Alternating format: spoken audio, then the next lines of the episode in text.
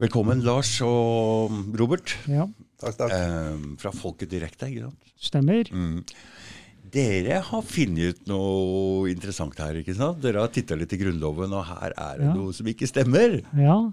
Vi har jo vært på jakt etter sannheten, og så har vi oppdaget sannheten. Mm. Og det er at eh, Ja, det er mange ting. Mm. Annet eh, dette med Stortinget, hvilken svindel og bløff det er. Mm. Og det at vi ikke har eiendomsrett. Ja, hva er det for noe? Ja, Hva er det for at vi ikke har eiendomsrett? eiendomsrett, ja. Mm. Det kan jeg lese opp her. Det er Eiendomsrett er en suveren rett til å bestemme over det man eier, som ingen andre kan bestemme over. Mm. I dag kan ingen andre bestemme over det du eier. Men hvorfor mener du at vi ikke har det i, i den grunnloven, ifølge den grunnloven? Ja, det er fordi at 1814-grunnloven, den ble jo skrevet i, i 1814. Mm. Og det var på bestilling fra prins Christian Fredrik, som var stattholder i Norge da, for sin far kong Fredrik av Danmark. Mm. For den gangen så var Norge en del av Danmark. Det var dansk landområde. Det var ikke noe eget land Nei. med egen grunnlov og sånne ting. Mm. Så han var stattholder her. Og så har vi dette med Kiel-traktaten, da. Og napoleonskrigene. Men du, vent litt nå. Du, Ja. du, grunnloven, var ikke vi under Sverige sist? Jo, jeg skal fortelle litt om det. Ja, Jeg tar det litt ja, sånn grunnleggende her. For For Ja. for for, for å få en sammenheng her, så må jeg ta det litt grann grundig. Ja, gjør det. Og da, da pga. at Napoleon tapte krigen, og Danmark var på Napoleons side da, Mm. så bestemte stormaktene at Sverige skulle få Norge. Ja. For han hadde, Sverige og Karl Johan hadde hjulpet eh, England, da. Ja, og der er det også noe rart, for der er det en ny sjef som er en fransk general, det der Karl Johan. Ja, akkurat hvor han egentlig duk- Bernadotte-greie, ja, ja, ja, er noe- Hvordan kom han inn som sjef i er Sverige det- her, da? Ja, det har jeg ikke undersøkt, men det Det er- er, ja, det er litt sånn merkelig. Merkelig opplegg, ja. Ja, veldig rart. Så, men i hvert fall så bestemte stormaktene da at eh, Sverige skulle få Norge som belønning for å ha hjulpet eh, Mm. Hvilket den. årstall snakker vi nå Det er 1814. Det er 1814, ja. 1814. -hmm. Alt skjedde i 1814. Alt skjedde. Ja, Ja. så, Men, så men, men nå, nå skjønner jeg ikke helt. altså, uh, Sverige får Norge, Ja. og samme året så skriver vi Grunnloven. Ja, nå skal du høre. For dette var Kiel-traktaten da. I, I januar Ja. så ble den underskrevet, og da var kong Fredrik av Danmark med på det og aksepterte den, for han var på den tapende parten. Så han aksepterte å gi fra seg Norge, men det likte han ikke. Nei. Og da skulle Sverige få Norge, som sagt. Ja. Og da, da Men, men du, bare, bare kan si en ting. For du, Løvenskiold, var det ikke han som var stattholder i Norge? eh, Det kan han ha vært en gang, men ikke da. Nei, ikke da, nei. Nei. Eh, Så det som skjedde da, det var at danskekongen og sønnen hans de fant ut at de skulle prøve å beholde Norge Allikevel. allikevel. For hvis, hvis vi oppretter Norge som en suveren stat, en nasjonalstat, da, med egen grunnlov og egen konge, så kan ikke danskekongen bare gi bort det, for da er det ikke hans lenger. Å, hei! Ja, da Den har jeg aldri hørt før. Nei, for da lagde de en ny konstruksjon. Ja. Så da hadde jo ikke danskekongen noe rett til å gi bort et landområde som var et annet land. Ok, ok, Ja. ok. For da må du gå til krig for å ta det landområdet. Mm. Men det gjorde jo Karl Johan. For han brøy seg ikke om det at vi eh, lagde, eller at eh, prins Christian Fredrik skrev en, fikk skrevet en grunnlov og fikk godkjent den. Det brøy ikke han seg noe om, så han angrep Norge. Og, og tok Norge. Og den 14. august så har vi Mossekonvensjonen, og da var det Stortinget som Fremdeles i 1814? i 1814. 14, 14. august 1814. Men prins Christian Fredrik han sammenkalte 112 lojale menn for å skrive denne grunnloven, og det var de 112 som da godkjente denne grunnloven, og etterpå valgte de prins Christian Fredrik til konge. Oi, Ja, Så det var sånn han ble konge, og da var han konge helt fram til 14. august.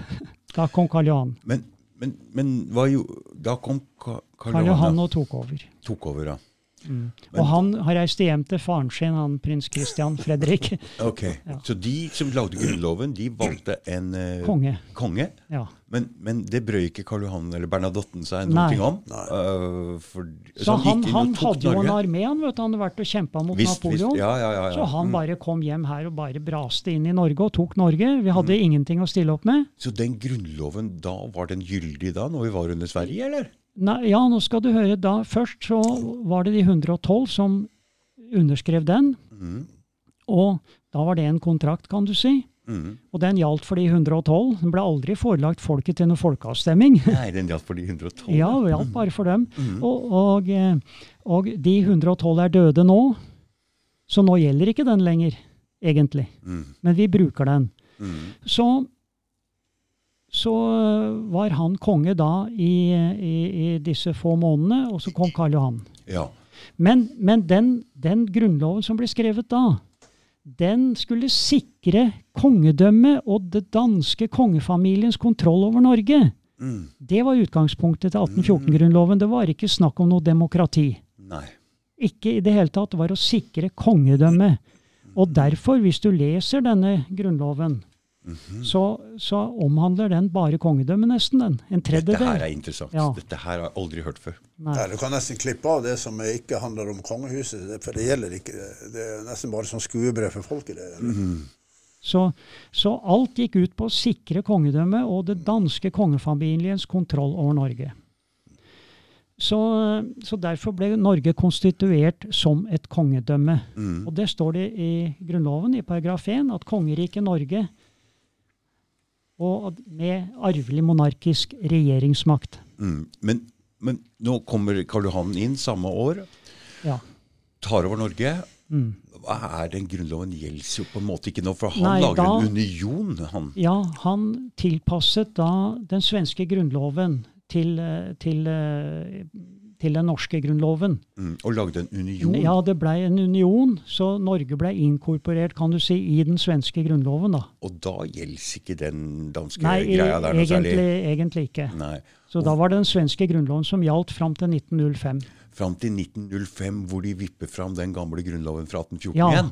Og i den Hvem, hva slags folk er det som gjør det? For hvorfor Ja, skriver hvem- de ikke en ny en? ja, ja, og hvorfor skjedde dette? Hvorfor valgte de en konge da?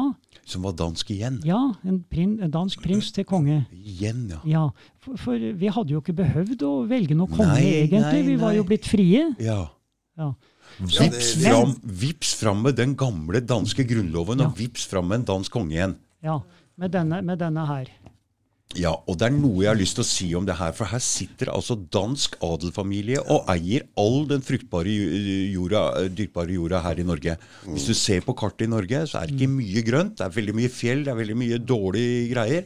Men alt det grønne er nesten eid av danske adelsfamilier. Er bare- Jø- ikke sant? Treskov, og vi har Løvenskiold og Ikke sant? Hva er, hva er det for noe? Hva er det for noe rart, det der? Ja, Det er privilegier som kongen har gitt disse folkene. Men det var forrige gang vi var under Danmark at han ha fikk det her. det kan ha vært under danskekongen, Mm. men jeg vet ikke hva som skjedde under svenskekongen. Det var veldig ikke. merkelig at disse danskene fikk lov å beholde Ja. all den jorda. Og Løvenskiold var fremdeles stattholder Ja. her når da, Mm. svenskene var. Ja.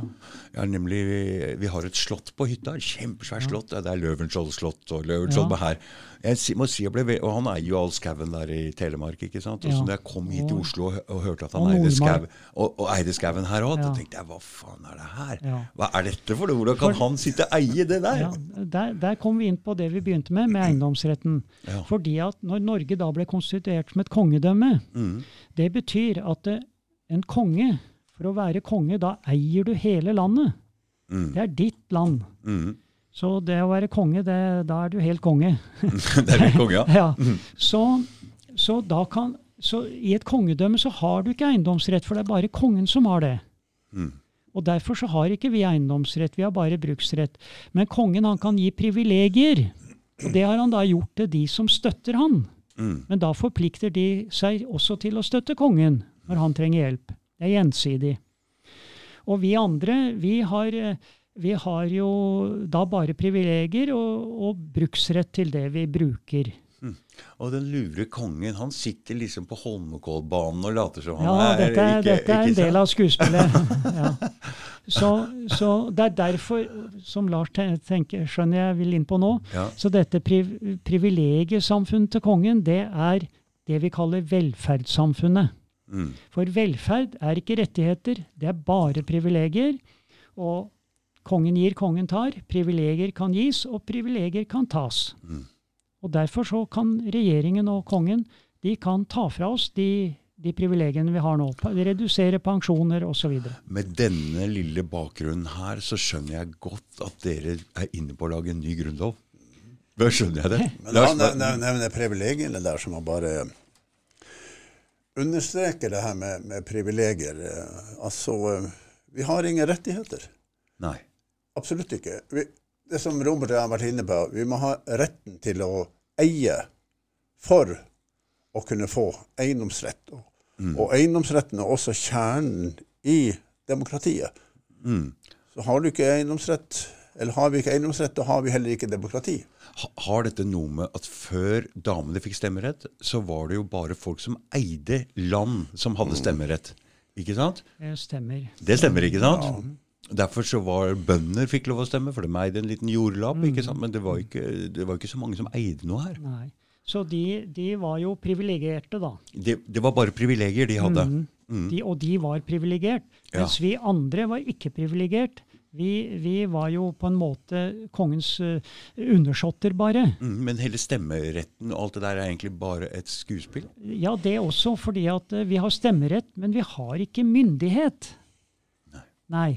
For, for vi, vi, har, vi nå oppnår Vi kommer i stemmerettsalder, men vi er ikke myndighetsalder. Vi er ikke myndige.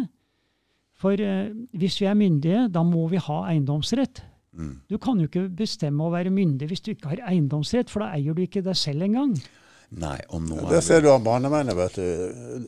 Det er også et eksempel på at man ikke eier seg selv. Vi har ikke eiendomsrett. Og da har vi ikke eiendomsrett til landet, ikke eiendomsrett til oss selv. Og jeg sa jo det til, har sagt det tidligere også, vi eier ikke engang klærne vi går i, og skoene vi står i. Nei. Og så folk liksom Ja, men det er jo, det er jo tull, det du sier. For jeg har jo kjøpt de her klærne her. Mm. Ja visst har du det, men de pengene har du he er heller ikke dine penger, så du går og kjøper det for. Det, det er et privilegie. Velferdssamfunnet er et privilegiesamfunn. Og det skal øh, seerne også vite at vi har ikke eiendomsrett. Vi har ingen rettigheter. Vi har kun privilegier. Kun privilegier. Mm. Ingen rettigheter. Null. Og det, jeg vet ikke om du leste det brevet som vi forfatta og skrev til Høyesterett. Nei, det, Nei, nei, det jeg har ikke fått gjort det. Nei. Nei, eh, og Det, det, det må møte i, i, retten, Robert. Ja, for du, du kan jo For det, grunn, ja. Når du kontakta meg, Lars, så var det etter den The Great Reset-episodene hvor de også går inn på det her med registrering, og at alt går over til kongen, og det, det klinger riktig hos deg. Ja, det Som sagt, vi eier ingenting. Nei. Vi har ikke eiendomsrett. Og det må seerne uh, være klar over, at vi har ikke eiendomsrett. Nei. Null eiendomsrett. Det er bare én i dette landet som har eiendomsrett, og det er kongen. Fordi at Norge er konstituert som et kongedømme. Og de, derfor så eier vi heller ikke personnummeret vårt Nei, og fødselsattesten. For alt er registrert da i kongens navn. helt korrekt. Så han har kontroll på oss, Mm. uten at vi har visst det. Ikke sant? Og det, det, er litt morsomt, for at vi prater om det in plain sight. Det, liksom det, det er rett foran deg, men du ser det ikke. Og vi har jo kongen og paven rett foran oss hele tiden. Og, og, men, men de har tona seg ned, så, så, så, så de syns ikke. Nei da, men symbolene er der. Det er mange symboler de bruker som vi ser, men vi forstår ikke hva de betyr. Nei. Når vi begynte å snakke om, om Grunnloven her, så har det vært helt stille. Helt stille. Ingen som sier et ord. De vil ikke snakke om oss. De vil ikke ha, for dette kan bli et tema. De nevner oss ikke med et ord. Nei. Ingenting. Nei. Så det er veldig merkelig. Og jeg si husker, at når dere, jeg husker når dere kom ut med, med Folket direkte, så plutselig så var det to andre partier som het nesten det samme. Direkte demokrati. og Det ble liksom det var veldig uoversiktlig hvem var hvem, og du bare, dere drukna litt i, Ja, for det, det. det, det som skjer i sånne tilfeller, det er at uh, disse folkene vi kjemper imot, de prøver å forvirre. Og da kommer de med en gang og, og danner sånne nye partier ja, og greier mm, for å mm. forvirre folk, så de ikke skal forstå hva som er hva. Men det er bare vi som har løsninger. Ingen andre som har noen som helst løsning. Nei, for Og det, det hva sa du, Lars. Fortell det, Robert. Hva Ja, er løsningen? Ja, hva er løsningen? Ja, Ja. altså, for vi drev og lette etter denne sannheten, da. Og, og dette med Stortinget. Ja. At det, det har jo ikke noe makt når kongen er konge. Og, og det, så, så det står jo i Grunnloven i paragraf 1 at kongen arver regjeringsmakta. Og det står i paragraf 3 at eh, den utøvende makt er hos kongen. Men når jeg hører med jurister, så leser de det på en annen måte. Du, du, de sier du må ta bort kongen og forstå det Du kan jo ikke ta bort deler av loven. Du må Nei, ha med nei, hele ja, loven. For det er sånn juristene sier det, ikke sant? Ja, men da, Du har hørt det? Ja, jeg har hørt det. De trikser og fikser. Mm. Du sier du må ikke lese kongen her, du må lese noe annet. Ja, nei, men det står kongen. Da leser vi kongen. Ja, da leser vi kongen. ikke Ja. sant? Ja, det, er- det er den der faken, altså sier at kongen har ingen makt. Ja. Mm. Men uh, vi har sagt det flere ganger, bare les Grunnloven. Der står det hvem som har makten. Ja, eksempel eh, Robert paragraf 9. Ja. ja, for det at det er veldig viktig for disse folkene å innbille oss at vi har demokrati. Mm. Og da må de bortforklare det at det er et kongedømme. Mm. Da må de hele tiden Og i paragraf 9 der står det jo det at det, når kongen tiltrer, overtar etter sin far, da, Mm. da må han love å sverge overfor Stortinget at han vil regjere Norge etter Grunnloven og andre lover. Han vil regjere Norge. Mm. Og, og eh,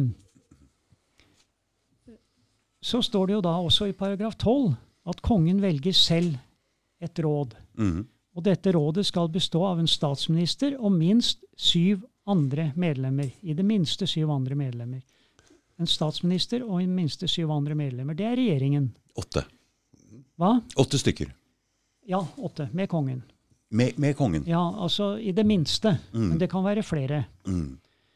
Og når kongen da arver regjeringsmakten, han er den utøvende makt, og han lover og sverger å ville regjere Norge, og han velger selv regjeringen, ja, har kongen noe makt da?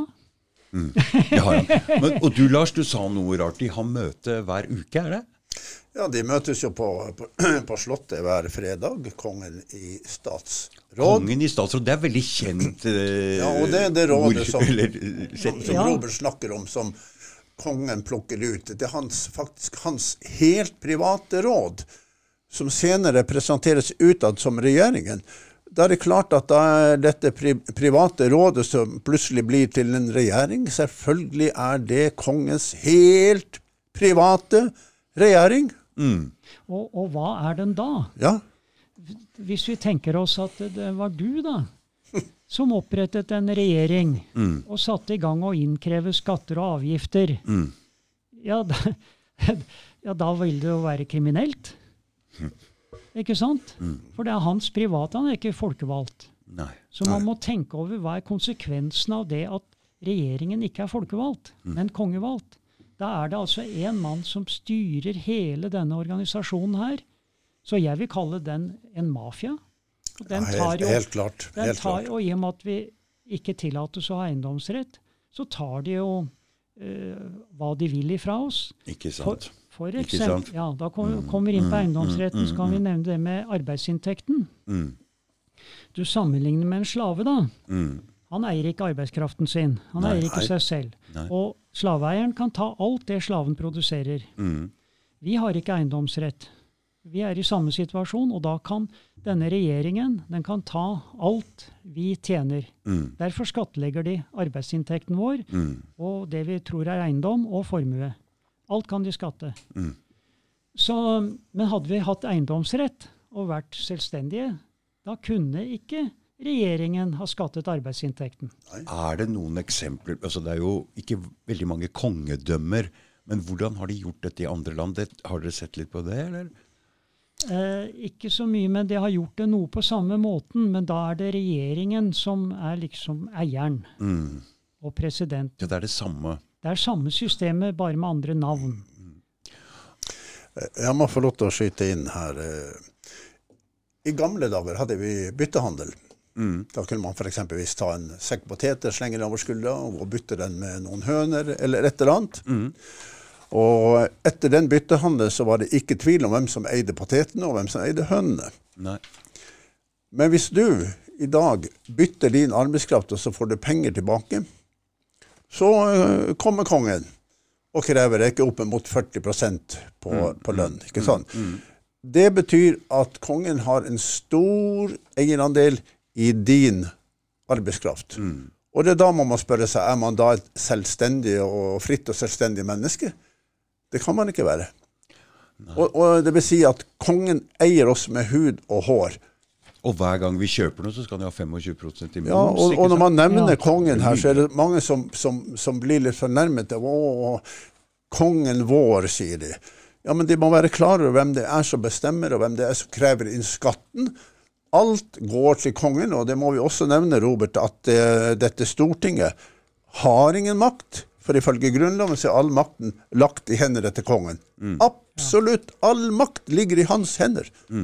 Ja, Ja. Stortinget, det, det er jo underlagt uh, kongen i dette systemet, 18 grunn, 1814-grunnloven. Ja, det er en avdeling under kongen. Ja, Så kongen, han har fullstendig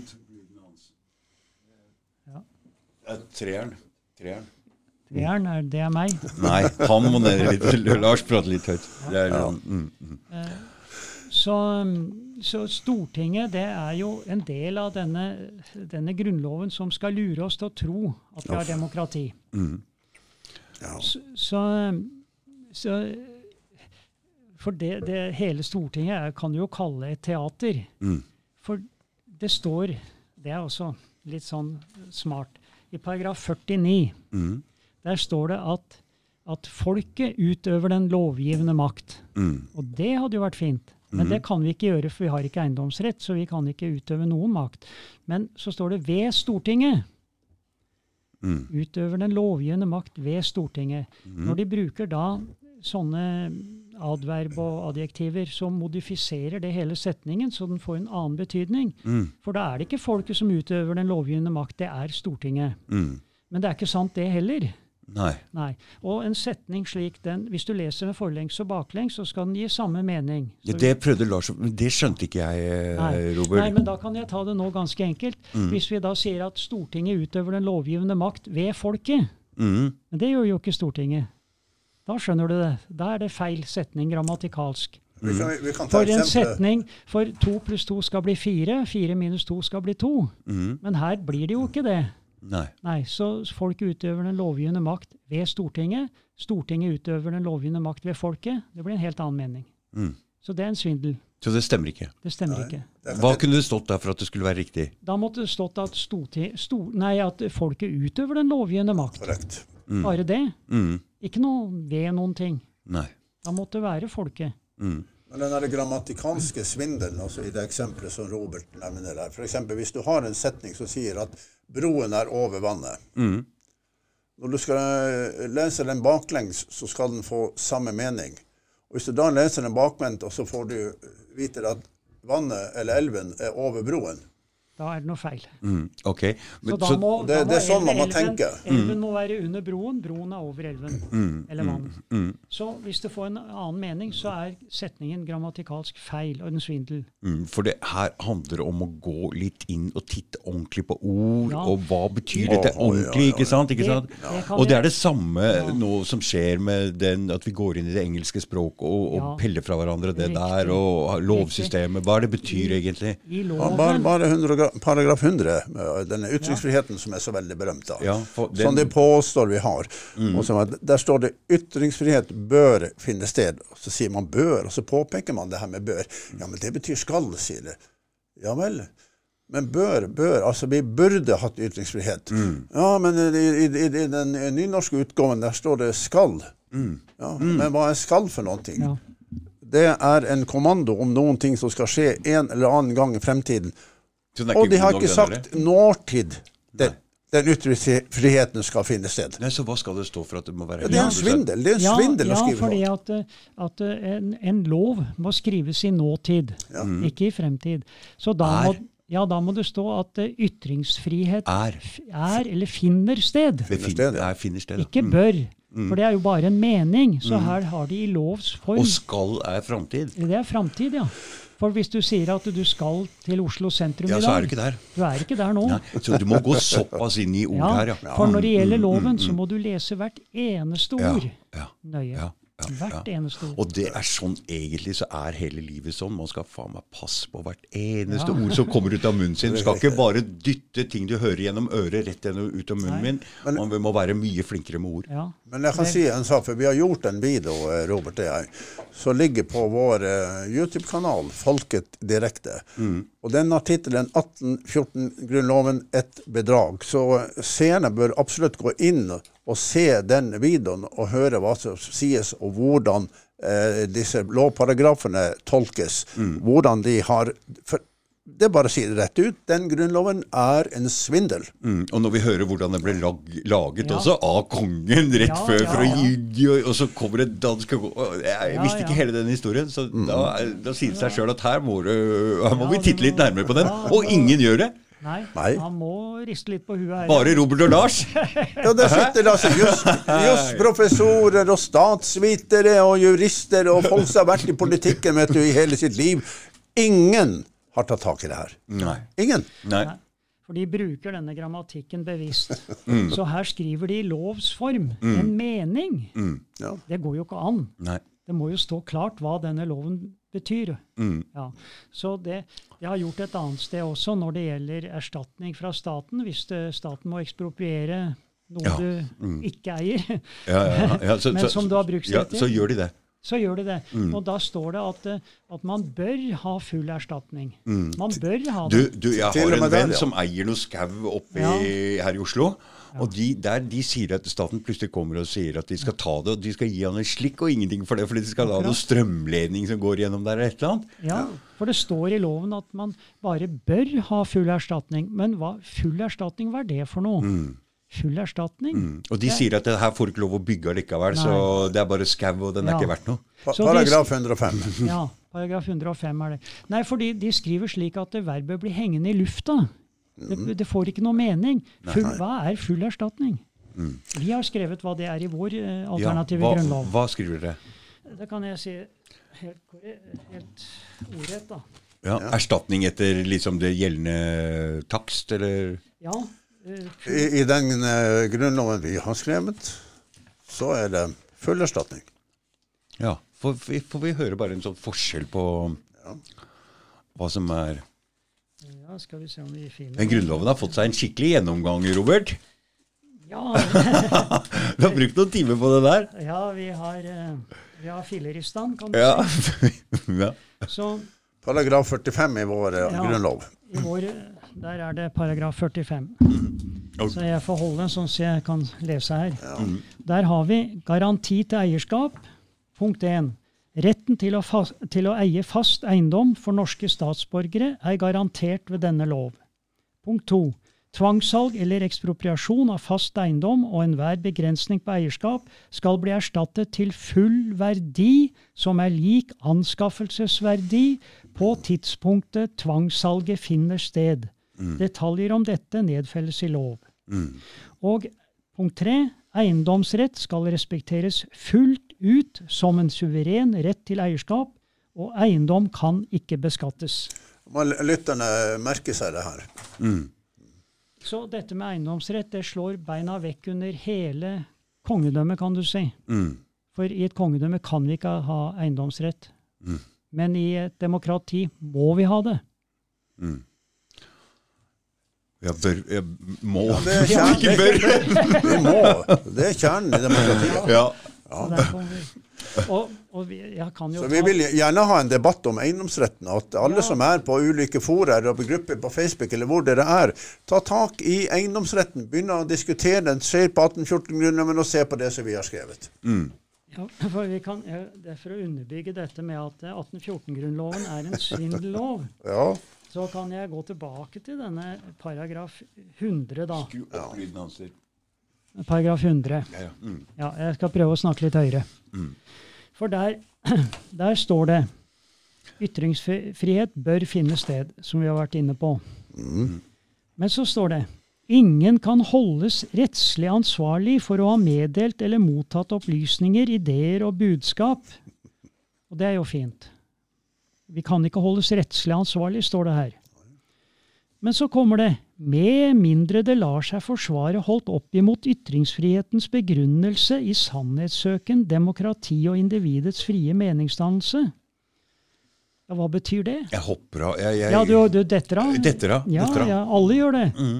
Men så kommer det her noe viktig. For først, først i avsnittet her så står det 'ingen kan holdes rettslig ansvarlig'. Så kommer det da i siste setning. Med mindre. Ja, med mindre. Men så kommer det i den siste setningen. Mm. Dette er interessant.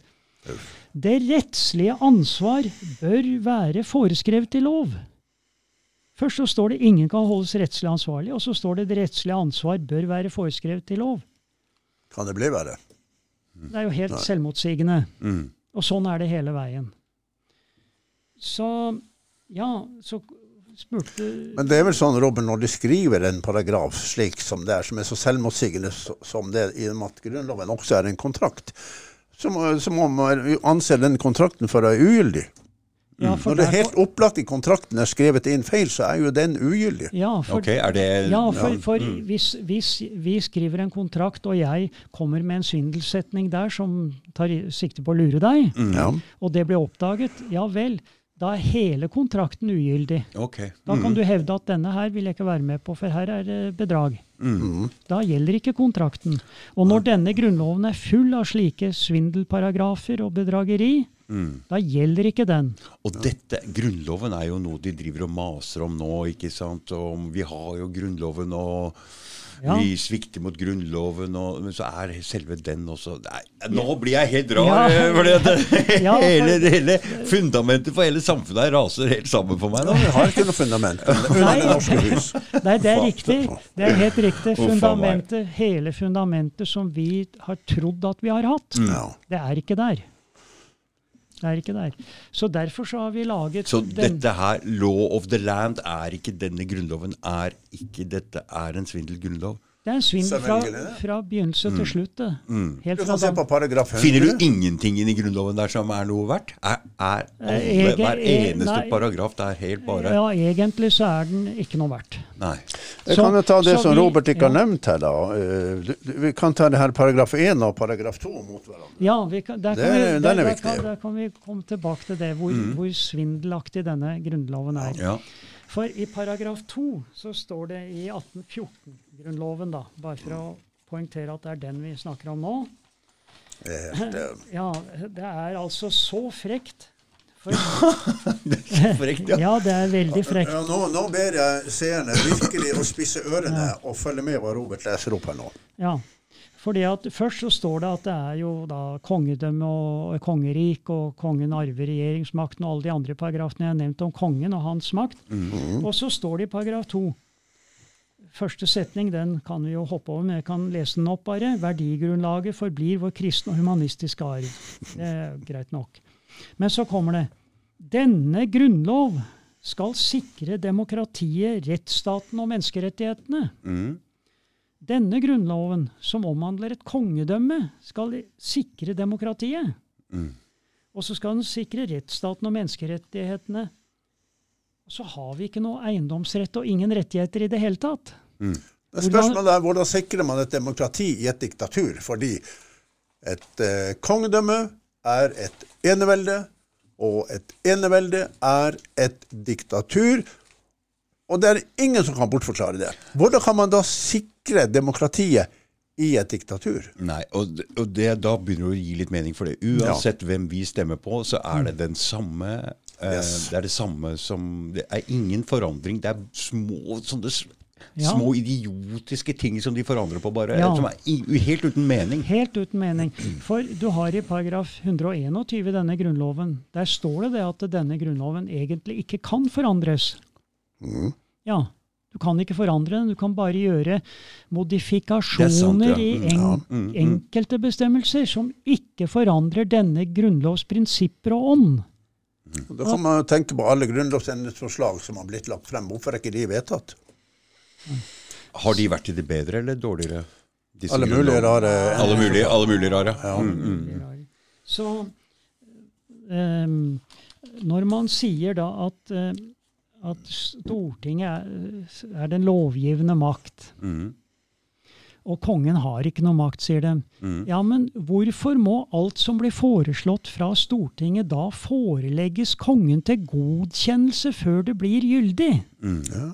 Hvis Stortinget er den lovgivende makt. Mm. Så det er ingen tvil om det her. Nei, det var, det var de der har, vi så Stortinget har jo ingen makt, for kongen må godkjenne alt. Og hvis ikke han godkjenner det, så blir det ingenting. Vi, vi, vi, hvem, vi, hvem er det som driver og råd, øh, for, Hvem er det som er rådgiver for kongen, liksom? da? Ja, det er jo regjeringen Det er, det er regjeringen, altså. Og det kan være noen barn. Hvem er de syv? Det, det har syv eller flere. Nå er det jo 20 nå, tror jeg. Okay. For det er to Mm. stykker i noen av departementene. Mm. men Nei, det, det, men det er også noen, noe som heter bakmenn, som kan drive og dra i trådene her. mm, Og de vet vi ikke hvem er. Nei. Det kan man gjette seg til. Mm. Men når kongen er frimurer, så kan man jo Men uh, for å bare for å skyte inn der, vi, vi drev jo og samlet underskrifter, for vi ville stille til eh, stortingsvalg. Mm. Og eh, så satt jo Robert og jeg og resonnerte her. Ja, men tenk hvis vi bare får inn én nå til valget, da. Mm. Da kan vi eh, fremme dette forslaget, et, et grunnlovsendringsforslag. Mm. Ja, det var vi enige om begge to. Det hadde vært fantastisk. Og da har vi fire år på å markedsføre oss. Så satt vi og tenkte fire år. Og tenk da om vi klarer å markedsføre oss i løpet av de fire årene slik at ved neste valg så, så Det var jo bare sånn hypotetisk tanke vi hadde om det her. Så får vi flertall i Stortinget. Og hvis vi får flertall i Stortinget, ja vel, men da kan vi jo vedta dette grunnlovsendringsforslaget. Ja, det ble vi enige om at det, det kan vi gjøre. Det var jo kjempegreier, ikke sant? Og vi nesten gneide oss i hendene. Ja, ja for da kan, da, kan vi, da kan vi innføre direkte demokrati, tenkte vi. Ja, Men Grunnloven godtar jo ikke det. Tillater Nei. ikke det. Nei. Kongen kan ikke tillate Så det var da dere begynte å titte på det? Ja, Ja, for vi kommer, da, hvis vi, hva skal vi skje med denne vedtaket vi, som vi har eh, fattet, eh, eh, bestemt oss og fått flertall for? Det, hva skjer da? Jo, det må jo opp til kongen for signering. ja. Sanksjonering. Vi, så vi tenkte jo først da med denne paragraf eh, 49 at vi kunne endre litt på den, og, og, så, og så videre. Og så begynte du å grave og titte litt mer Ja, på den så- grunnloven, og så ble det Ja, Da fant vi ut at vi kan ikke bruke den i det hele tatt. Nei. Vi må skrive Fordi- en ny grunnlov. mm, Fordi, mm, fordi kongen vil aldri signere på et grunnlovsendringsforslag hvor han sier ifra seg kongedømmet sitt. Nei. Han har ikke lov til det heller, for han har jo lovet og sverget overfor Stortinget at han vil regjere kongeriket Norge. Han har lovet og sverget det. Mm. Kort, kort sagt, demokratiet stopper ved kongens bord. Ja. Og i paragraf 121 så står det at du kan ikke forandre denne grunnlovens prinsipper og ånd. Nei. Og da kan du ikke innføre direkte demokrati.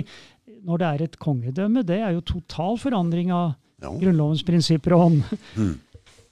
Så da fant vi ut at vi måtte skrive en ny grunnlov. Ja, kjenner vi noen jurister eller professorer som kan hjelpe oss med det? Mm.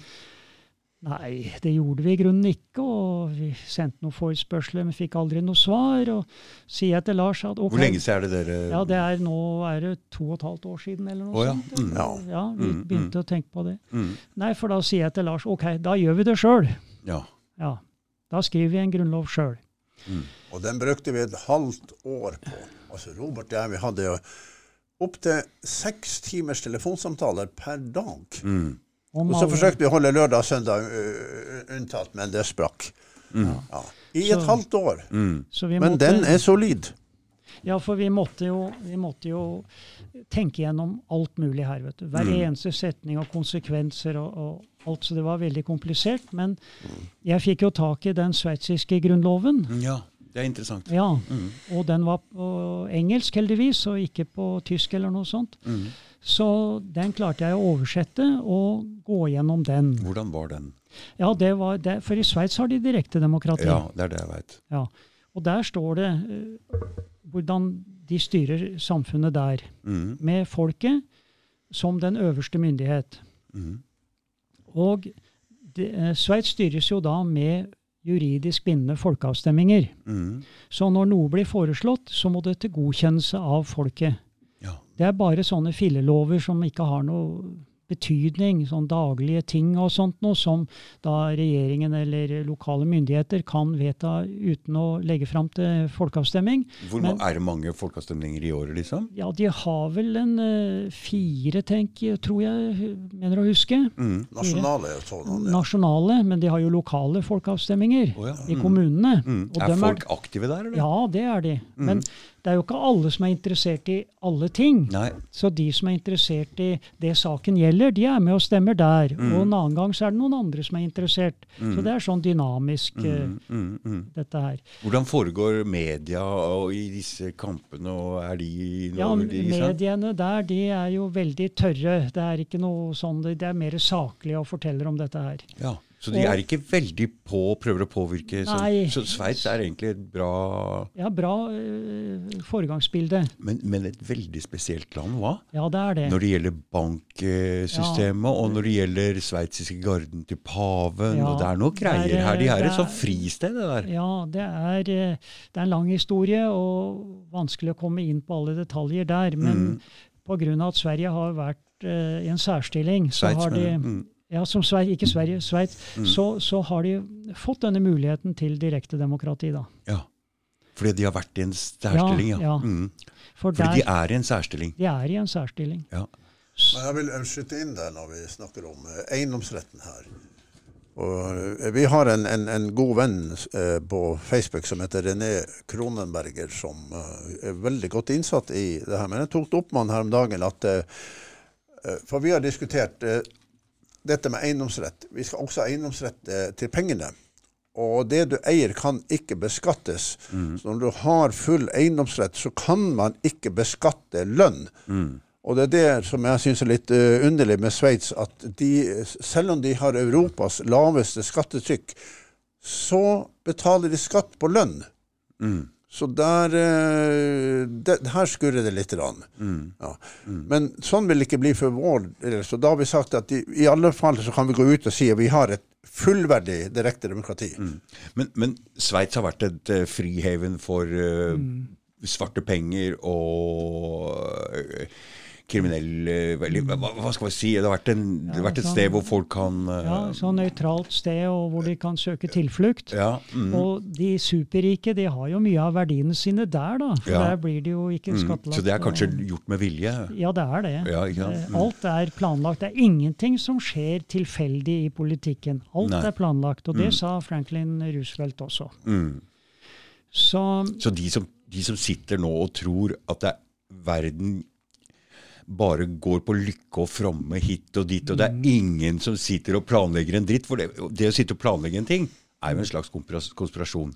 ja, det så, det. så, så de som ikke tror at det fins noen som sitter og planlegger, de mener jeg de må være totalt naive. De, de kan jo bare lese hva Nelson eh, Rockefeller har skrevet selv i sine memoarer. Mm. Og der skriver han jo det, at hvis noen anklager meg for å ha drevet med konspirasjoner med land og regjeringer og for å innføre denne verdenskommunismen, da. Mm. Ja, da står jeg skyldig, sa han, og jeg er stolt av det. Da, da, da skjønner man hvilke, hvilke mennesker man har med å gjøre. Men det er jo globalister, og det er jo det som er og globalismen. Det, det skal alle sammen være klar over. Det er verdenskommunisme. Det er ikke tvil om. Nei. Nei. Så der har de eh, samler all galskapen under globalismen. Fascismen, kommunismen, nazismen, alt. Fordi... Og her går altså kongefamilien. Du ser prinsen gå med der FNs bærekraftnål. Mm. Altså Han flagger jo åpent at han er globalist. Ja. Og kongen forsvarer ingenting. Har vi sett noe til kongen i denne covid-krisa? Null. Og så sier vi 'kongen vår'. Du, det er noe jeg så nå han, eh, da, Bare for å hoppe litt vekk, når vi nevner covid. Så mm, avblåste jo Boris Johnson nå hele covid-greiene omtrent i England. ja, Men så du alle de problemene han fikk? ja. Så du det? Nei, ikke alle. Nei, men det er masse problemer her nå. De prøver å få han avsatt og Ja, ja, ja. ja, ja, ja. Jeg ser de to tingene i, Riktig, litt i kontekst, riktig. altså. Riktig, riktig. Ja, for de, de liker jo ikke det. Nei. for dette. For jeg kan jo komme inn på det at uh, dette med, med covid og koronavirus, det Mm. er også planlagt. For det skulle brukes til å skape frykt. Mm. Ja. For hvis man får skapt frykt i en befolkning, da er det lett å lede den befolkningen. Mm. og ja, få dem til å ta de, disse vaksinene. Mm.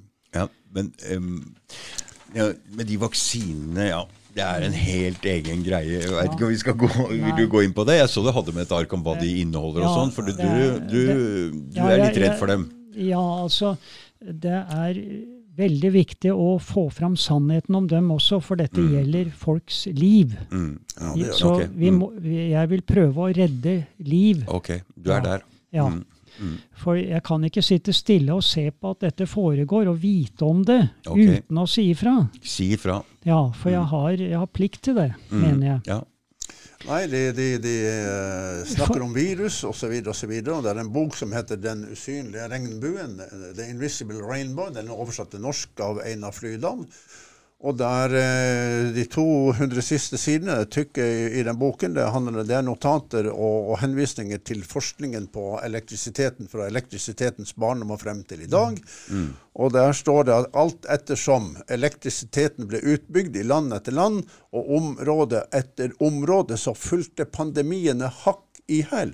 Og det er flere nå som går ut og forteller det at det er også meningen med 5G. At man får en, en reaksjon, man kanskje ikke skal kalle det for en sykdom. Og når det er en elektrisk sånn sykdom, ja, hvor er da viruset? Mm. Ja, er dette- viruset? dette er jo en- tør, nei, vi Dette var ikke faktisk- lov å snakke om på førsten. ja, Vi har Nei. skrevet brev til faktisk.no om den saken. Vi får ikke svar av disse såkalte faktasjekkene. De vil ikke faktasjekke det. Nei, det, men den, den, akkurat det med 5G og covid og sånn, det var jo noe som ble lansert ganske tidlig i pandemien her, og det ble slått jævlig ned hardt på. Ja. Hardt ned på, mener jeg. Men nå har man funnet ut at det, alt dette har vært planlagt. Ja. Det har vært planlagt lenge før det kom. Mm. Så, og det er så sleipt gjort og frekt, men det, det er jo en svakhet ved det, fordi at alt hviler på denne falske PCR-testen. Ja, ja, ja. ja, Ja, ja. så- Du bør ikke fortelle- så Nei. jeg, jeg, jeg Så uten den så ville det ikke vært noen ting. Men der gjelder det å skape frykt. Og det er ikke bare det med PCR-testen, men når de har en så lang DNA-molekyl og bare tar tre sånne betaer av den DNA-molekylet som de sier at dette er et virus, Ja. Og så skal de måle opp mot det og sier at dette har, disse tre kombinasjonene har vi ikke sett før, så det er viruset, det er covid. Det er- det er altså det er så mye rart her. For den, ja, for den testen den tester egentlig ingenting, som han oppfinneren av den testen sa. Det er ikke noe test, det er en forskningsmetode. Mm. og for å gange opp et Ja, for å ting du for, får. ikke forstørre opp og sånn. Og, og det de finner, eller det de sier, da, det er at det var positive tilfeller. Men ingen sykdom. Nei, Det er bare positive Mm, tilfeller. Men de skyter seg sjøl litt i beina her nå med å ha så mange positive prøver og så få uh, døde. Ja. Det betyr jo at bare det Altså, de, kan, de må velge. Enten de, Ja. de Jeg, jeg ønsker at det blir en debatt om influensa som en elektrisk reaksjon eller sykdom. Ja, for det du er eh, du, Når du, vi skulle prate sammen, så ville ikke du prate på telefonen. For du er overfølsom for noe elektrisitet? Eller Ja, annet, hvis jeg slår på mobildata, Ja. så blir jeg Du kan sammenligne det med eh, bil, bilsyke Mm. i dobbel forstand. Og det, altså, jeg, jeg kan ikke sitte her og si at du, du ikke blir det. Ikke sant? For det er din greie, og derfor så må man egentlig ta hensyn til folk som blir sjuke av det her. Ja. Robert også. jeg ble også syk, men legene bortforklarer dette her med alt mulig rart. Og det gjorde man før i tiden òg, når øh, folk fikk influensa og sånn og ble dårlige. Men, øh, men øh, jeg brukte jo veldig mye trådløst. Og jeg jobbet jo politisk, så jeg holdt på hele dagen med PC-en og telefon og ruter og, og laptop, og allting var trådløst. Og til og med den musa jeg brukte, var trådløs. Og jeg begynte å bli så, så slapp og trøtt og uopplagt og hodepine og svimmel. Mm. Så jeg ble jo så svimmel, og sånn, så jeg skulle gå ut døra, så gikk jeg jo rett i dørkarmen. Mm. Det, det, hva er dette for noe? Hva er det som skjer med meg? Tenkte jeg, trodde jeg var syk. Ja. Så, så, så flyttet jeg over i en, i en hytte jeg har på tunet, hvor det ikke var noe trådløst. Mm. Og bodde der en uke, og da ble jeg bra igjen. Mm. Helt fin. Så flyttet jeg inn i huset og begynte å bruke dette trådløse, og så ble jeg dårlig. Mm. Så snakket jeg med Einar Flydal om dette her, og Odd Magne Hjortland, Mm. som driver et firma som selger mye sånn beskyttelsesutstyr for elektromagnetisk stråling. Mm. Og eh, han forklarte dette her. Og da fikk jeg det rådet at jeg skulle kable allting, Mm. ikke noe trådløst, og så skulle jeg sette det i flymodus. Ja. Og nå har jeg antenne over taket. Og Mm. der er det trådløst. Mm. Jeg har ikke fiber. Ja, det er sant det som Robert sier, for jeg snakker med han mye på, på Skype, og uh, han må uh, legge en telefon langt av gårde. Og Mm. Mm. får problemer bare av dataskjermen også. Mm. Ja, nei, jeg bruker eh, øreklokker og lang ledning, jeg. Mm. Legger telefonen unna. Mm. Mm. Så det er det. Men denne, dette her med covid og alt dette her, det er planlagt. Mm. Fordi at disse globalistene, de, de vil ha verdensherredømme. Mm. Og hvordan skal de klare å oppnå det? Mm. Når det er over syv milliarder mennesker på jorda, så er det vanskelig å kontrollere alle dem og Mm. bekjempe alle dem Mm. Mm. på vanlig måte. Mm. Så all, allerede Albert Pike på slutten av 1800-tallet han hadde planlagt denne tredje verdenskrigen som pågår nå. og Den skulle være en, lydløs, eh, eller en stille krig med lydløse våpen. Og de vil ha da verdens befolkning ned på et kontrollerbart nivå. Mm. Og da er det snakk om 500 til, eh, millioner til 1 milliard. Mm. Og eh, da, da skal 500 millioner være asiater, og de andre skal være i resten av verden. For asiatene er de ikke så redde for, for de er vant til å adlyde. Så de er underdanige allerede. Men det gjelder å knekke oss også. Og nå, hvis vi bare er 500 millioner, så er det lettere å gjøre. Og der kommer disse vaksinene inn i bildet. Oh my god. Er- Ja. jeg, um, jeg ser litt annerledes på det, jeg. Jeg ser um, eh, litt annerledes på det. Jeg tror ikke vaksinen er så farlig. Jeg ser i hvert fall Hvis man vil ha en stor forandring i verden, så trenger man store konflikter òg. Og da ser jeg også på at vaksinene lager kjempestore konflikter i samfunnet. Det er store demonstrasjoner, og hvis de samtidig klemmer oss litt på økonomi, strøm, og det ser vi nå, Ja. så kommer folk ut i gatene og krever forandring. Og det vil legge grunnlaget for den nye greiene. Men det er som du sier, vi er for mange folk. Men nå lager de jo en eh, verden for oss inn på internett. Som mange velger egentlig å sitte og delta i. Og hvis de presser oss istedenfor å drepe oss, sånn som du tror, Ja, eller sånn som du tror kanskje, så har de også planer om å døtte oss inn i konsentrerte konsentrerte områder. Ja. Og ha full kontroll gjennom det digitale, og la oss egentlig leve inn på nettet. Inn på nettet. Du skjønner, de, de, det er veldig komplisert dette, her, for de bruker mange midler og metoder. Ja. Alle de Mm, kan mm. finne på. Mm. Så de skaper problemer på alle måter, og de setter oss opp mot hverandre. Mm, mm, Splitt og hersk. mm, mm. Så de prøver å skape kaos og gjøre oss svake på alle mulige måter for lettere å ta over. Mm. Og det er klart det at hvis da alle disse som har tatt vaksinene blir syke og begynner å dø, så, så, så blir vi enda svakere og enda lettere å, å ta over. Mm. For tanken er at da disse, denne globalisteliten skal kontrollere alt og overta makten. Mm. Så de sto jo bak både, både Hitler og, og, og den russiske revolusjonen. Så de spiller på begge sider, disse bankfolkene og Rothschild og alle disse her. Du, jeg skal bare si noe, men du er klar over at eh, Hitler kasta ut sentralbanksystemet? Ja, han, Kvitte seg med det? ja, han, eh, han eh, begynte å bli litt for selvstendig for dem. Mm. Mm. Så da, og, og dette med banksystemet, han ville starte med egne penger. Mm. Og det kunne vi ikke tillate, sa Winston Churchill. Nei. Så da måtte hun stoppe han. Mm. Så derfor så først så finansierte de Hitler for å bli en buffer mot uh, Sovjet, av kommunistene der, for de ble litt for redde at de skulle Mm. komme for fullt. da. Mm. Så da var han en buffer der mot dem, men så ble han for egenmektig, og da Ja. måtte de stoppe han òg. Mm. Men de fortsatt, fortsetter nå i dag da, med utgangspunkt fra USA. Ja. Mm. Og, så det er de samme nazistene, kommunistene, det er jo det samme egentlig. Mm. Så de, de jobber ut ifra USA nå. Mm. Og USA det er det fjerde riket. Okay. Det var, Tyskland var jo da det tredje riket, men nå kommer da det fjerde riket. Og da skal de bruke det som en, eh, et middel da, til å ta over alle. Men de må knekke da demokratiet i USA først, og knekke folkeviljen der. Mm. For klarer de å knekke USA, da er det lettere å ta resten av verden. For det er en spesial rolle med USA, som jeg hørte han Mr. X her prata om, at um, når paven tok kontroll over hele verden, så var ikke egentlig USA uh, funnet ennå. Så det er egentlig et friområde, ikke Ja. sant, ennå.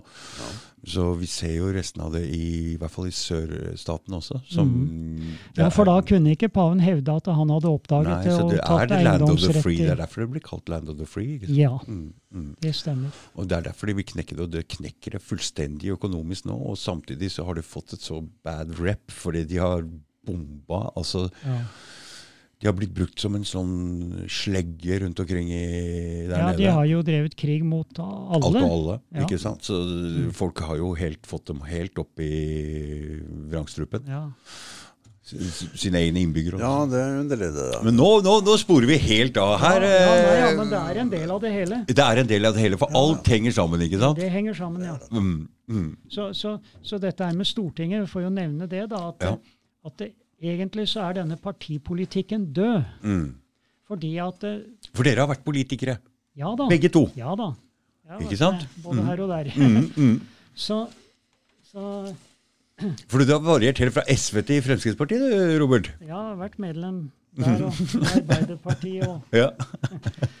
så, men, men dette her med Stortinget, der snakker man om høyre og venstre. Mm. Og så skal vi krangle, da, vet du. Og de, de jævla høyrepolitikere, eller høyrevelgerne, og de mm, mm, mm. jævla sosialistene og sånn. Så, så setter man folk opp mot hverandre. Så Mm. dette med Stortinget og partipolitikken, det er jo bare skapt for å skape splid. Mm. For å splitte oss, og for lettere å kunne herske. Mm. Men det er jo akkurat som høyre og venstre vinge på en fugl. Det er samme fuglen. Mm. Og kongen han bestemmer hvor han skal fly hen. Ja. så, Og de så, holder hverandre på en måte i sjakk, altså. Ja, de gjør det. Sånn at de går rett fram. Ja, ja, ja det gjør Ikke sant? Ja. Får jo ikke bestemt noe her. Nei, så helt umulig sitter, å få bestemt noe. si- sitter kongen og ler i det skjegget han ikke har da, oppe på slottet, og bestemmer alt. Mm. Jeg gikk ut og lagde en video. hvor Vi, vi kom på det her med, med at vi skulle stille til stortingsvalg. Og eh, jeg sier det rett ut. Stortingsvalg er en nasjonal svindel. Mm. Av den grunn at all makten er tildelt kongen. All, jeg sier all makt. Absolutt all makt. Og Stortinget er en underavdeling av kongen.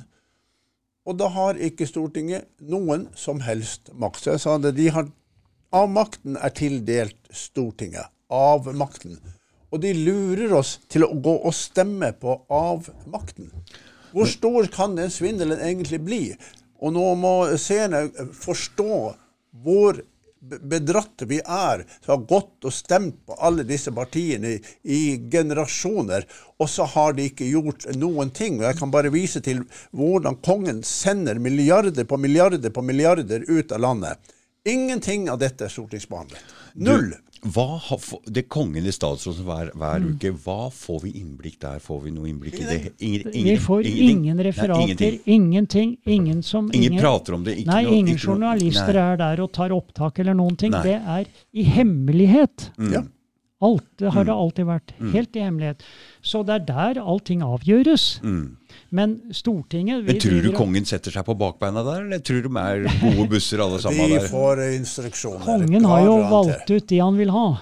Så de, Mm. Ja, for her er det noe ja. rart. For det var det du som nevnte det. At det kommer inn altså stortingsrepresentanter som kommer helt utenifra. Ja, som ikke er politikere som ikke er politikere. Ja. ja. de er ikke valgt inn på Stortinget. De, de, de plukker Altså, Alle har sagt til oss at eh, regjeringen utgår fra Stortinget. Og jeg har i flere stortingsvalg satt og fulgt med på NRK når det oppstår denne regjeringen. Ja. Jeg har aldri klart å oppdage når det der foregår. Nei, for Da kommer liksom sånn som Anne Holt inn som justisminister og er liksom Ja. ja, For det- Ikke sant? Det er jo, hun er ikke Ja, politiker. Det, det, det står i 1814-grunnloven at kongen velger sine statsråder da, Mm. blant stemmeberettigede norske borgere. Hvem som helst. Stemmeberettigede. Mm. Og da kan han velge deg og like godt som meg, eller Lars. Mm. Eller noen andre. Det behøver ikke å komme fra Stortinget i det hele tatt, men de er litt lure. For da velger han som regel alltid statsministeren fra Stortinget. Mm. Og noen andre, men Statsministeren må nesten velge fra Stortinget. Ja, for ellers, er det, åp ellers er det ja, ja, åpenbart ja, hva som ja, foregår. ja. Men Anne Holt og andre han, Lars kan nevne noe Ja, det er da, når de gjør sånn at det er sånn som Støre, som også er i Stortinget. Og når vi ser han, så sitter folk og tror at det er Stortinget. Mm. Ikke sant? Erna satt i Stortinget. ikke sant? Man ble valgt. Alle tror at, det, at, eh, at, at denne regjeringen er utgått fra Stortinget. Men, For men, det, er, det er en psykologi i det, ja, i det men hele. der har du også noe rart. Mm. For, for hvis regjeringen utgår fra Stortinget, eller som det er nå, at kongen kan hente folk fra Stortinget Mm. det, Du har sikkert hørt begrepet tredeling av makten. Ja. mellom den lovgivende, utøvende og dømmende makt. Mm. Ja, men her i Norge så hopper og spretter disse folkene fra Stortinget, som er det skal liksom være den lovgivende makt, Mm. og over til den utøvende makt, som er regjeringen, og tilbake til Stortinget etterpå. Mm. Så der har du jo ikke noe deling. Nei, nei, Og så er det regjeringen som utnevner dommerne. Og da har jo regjeringen, dvs. Si kongen, også kontroll på dommerne. ja, men, Og da er det jo all makt, som man sier, samlet Og så skulle vi ha den fjerde statsmakta, som er media, men nå er de jo helt på De er kjøpt og betalt. Ikke sant? men, men det her med tredelingen, det er, jo, det er jo ikke innskrevet i Grunnloven. Det er jo noen ting de har funnet på i Stortinget. Altså, husk Stortinget.no, regjeringen.no, disse som styrer disse hjemmesidene, driver med hjernevasking av oss. Dere skal lese Grunnloven av 1814, slik som vi har gjort. Ja, Og ikke høre på hva man blir fortalt. For til og med på nettsida til Stortinget, stortinget.no, der også lyver de om dette her. De, de skriver ikke hva som står i Grunnloven. Nei, nei, nei. Nei, Så vi, så vi er lurt da til å, å stemme på partier øh, som er helt nytteløse, og krangle om nytt, øh, nyttesløse ting. Så, så man kan jo si det sånn litt populært at folket har i generasjoner diskutert pavens skjegg. det var et uttrykk. jeg syns det var litt rart at Fremskrittspartiet gikk ut av regjering rett før covid på en sånn banal sak Ja. som at en dame ikke skulle få komme hjem fordi hun hadde et sykt barn, Ja. og lagde det til en stor sak. Ja. Hva er det for slags stor sak? og tenk på han Mikkel, eh. Mikkel Wara. Hva som skjedde med hva var han. det? han Hva var det? Ja, hva var det? hva var det? Og han var ikke fra Stortinget. Men, uh, De skvisa han, altså. Ja, det var et eller annet eh, rart der som Han Mm. var ikke populær lenger, og da lagde de masse ståhei. Det er han, lett, ikke sant? Ja, Det er lett. De tok Giske de- òg. Lett. Hæ? Ja, lett å skvise ut. Lett å skvise ut. Dro fram en gammel sak med Ja. en som hadde klådd på for 100 år siden, som hadde Ja, sagt ja, noe. Ikke sant? Bort med Giske! Det er Ja. lett, ja, altså! Samme der, Det er lett. Jo, men uh, alle disse som er på Stortinget, alle disse som har satt i regjering, og som sitter der sammen med kongen, og ser at det er han som sender alle verdiene ut av landet. Ingen sier noe. Og alle sitter på Stortinget og, og, og, og, og bare tier helt stille og ser alle disse milliardene gå ut. Du- og du- ikke får være med og stortingsbehandle. De må jo skjønne selv at de ikke har noen makt. Ja, Hvor går disse pengene? Ja, hvor Hva er det for noe? Ja, noe? 55 milliarder, som Lars fortalte meg. Det tok Jens Stoltenberg da han var statsminister. Bare tok han han ned i statskassa, og så ga til internasjonale pengefondet, IMF. IMF, ja. Og 50 milliarder til Regnskogfondet, uten stortingsbehandling. Bare sånn, vær så god. Og hvor ble, Ja, det hvor ble det av Det Det er mye penger. Det hele, er mye penger. Robert, hele Han, forsvarsbudsjettet. han er blitt fortalt av kongen. Dette gjør du. ja. Så det ser ut som at det er de folkevalgte som driver og sjonglerer med det her. Og så er det kongen som gjør det. Og Regnskogfondet, hva er det for noe, egentlig? Regnskogfondet ja, hva er det for noe? Og hvem er det som kontrollerer det? Hvor ble det av de pengene? Mm. Og det Når vi får liksom litt Ja. info der, så her skjer jo ikke noe der. Nei, og penge, det internasjonale pengefondet, IMF hvem, Mm. det, det, Vi har jo ikke noe kontroll over pengene der. Nei. Og de setter jo bare land i gjeld, Ja visst gjør de det. Det er det som er teknikken. At de låner ut så mye er penger de, og det er teknikken over hele. Over hele. Setter du deg i gjeld, så er du slave. Da er du slave. Ikke sant? Det gjelder personlig, og det gjelder land, og det gjelder alle. Det har alltid vært sånn. Ja. Men, men jeg, jeg må si til, til seerne her Dere må spørre deres egne stortingsrepresentanter hvorfor blir ikke alle milliardene som sendes ut av landet, stortingsbehandlet? Dere må spørre politikerne, så får dere se hvilke svar dere får. Mm. Og er det noe oversikt over disse pengene som blir sendt ut av landet? Får vi noe oversikt? Vi skulle jo hatt en detaljert her er Hvor Det- blir det- av pengene ja. våre? For det, jeg skulle gjerne, hvis du, hvis du er i en familie, da, så vil du gjerne vite Ja. uh, hvor penga går hen. Ja. Og gjerne uh, på forhånd. Jeg la fram et forslag om å ha et system. Online statsregnskap. Online ned til minste frimerke, for det skal ikke være gjenstand for noen sekkeposter overhodet, for det er gjenstand for korrupsjon.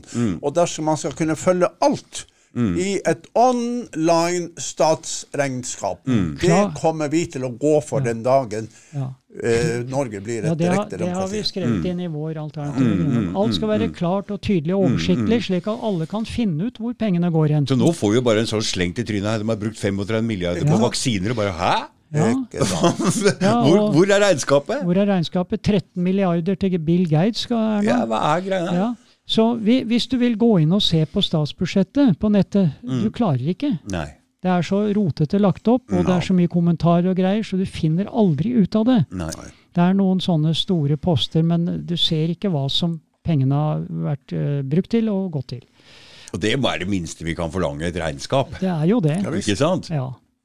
Så, så du var jo inne på det der med, med at hele grunnlaget blir slått vekk under oss. når Ja, jeg denne- ble, fikk bare en liten sånn boff. Liten, Ja, men denne 1814, ja, at Ja. 1814-grunnloven er jo ikke noe solid fundament, det. Mm. Men derfor så har vi lagd denne grunnloven, da. Mm, Som er folkeviljens fundament, kaller vi den. mm. Ja, det er riktig som eh, Robert sier her. Og eh, eh, når, vi legger ut, når jeg legger ut det her, så skal jeg få noen linker av dere, så folk Ja. kan gå inn og se på både sida Ja, deres, skal- videoen deres, Grunnloven, gamle Grunnloven, nye Grunnloven. Ja, og, Vi skal være behjelpelige med alt vi kan.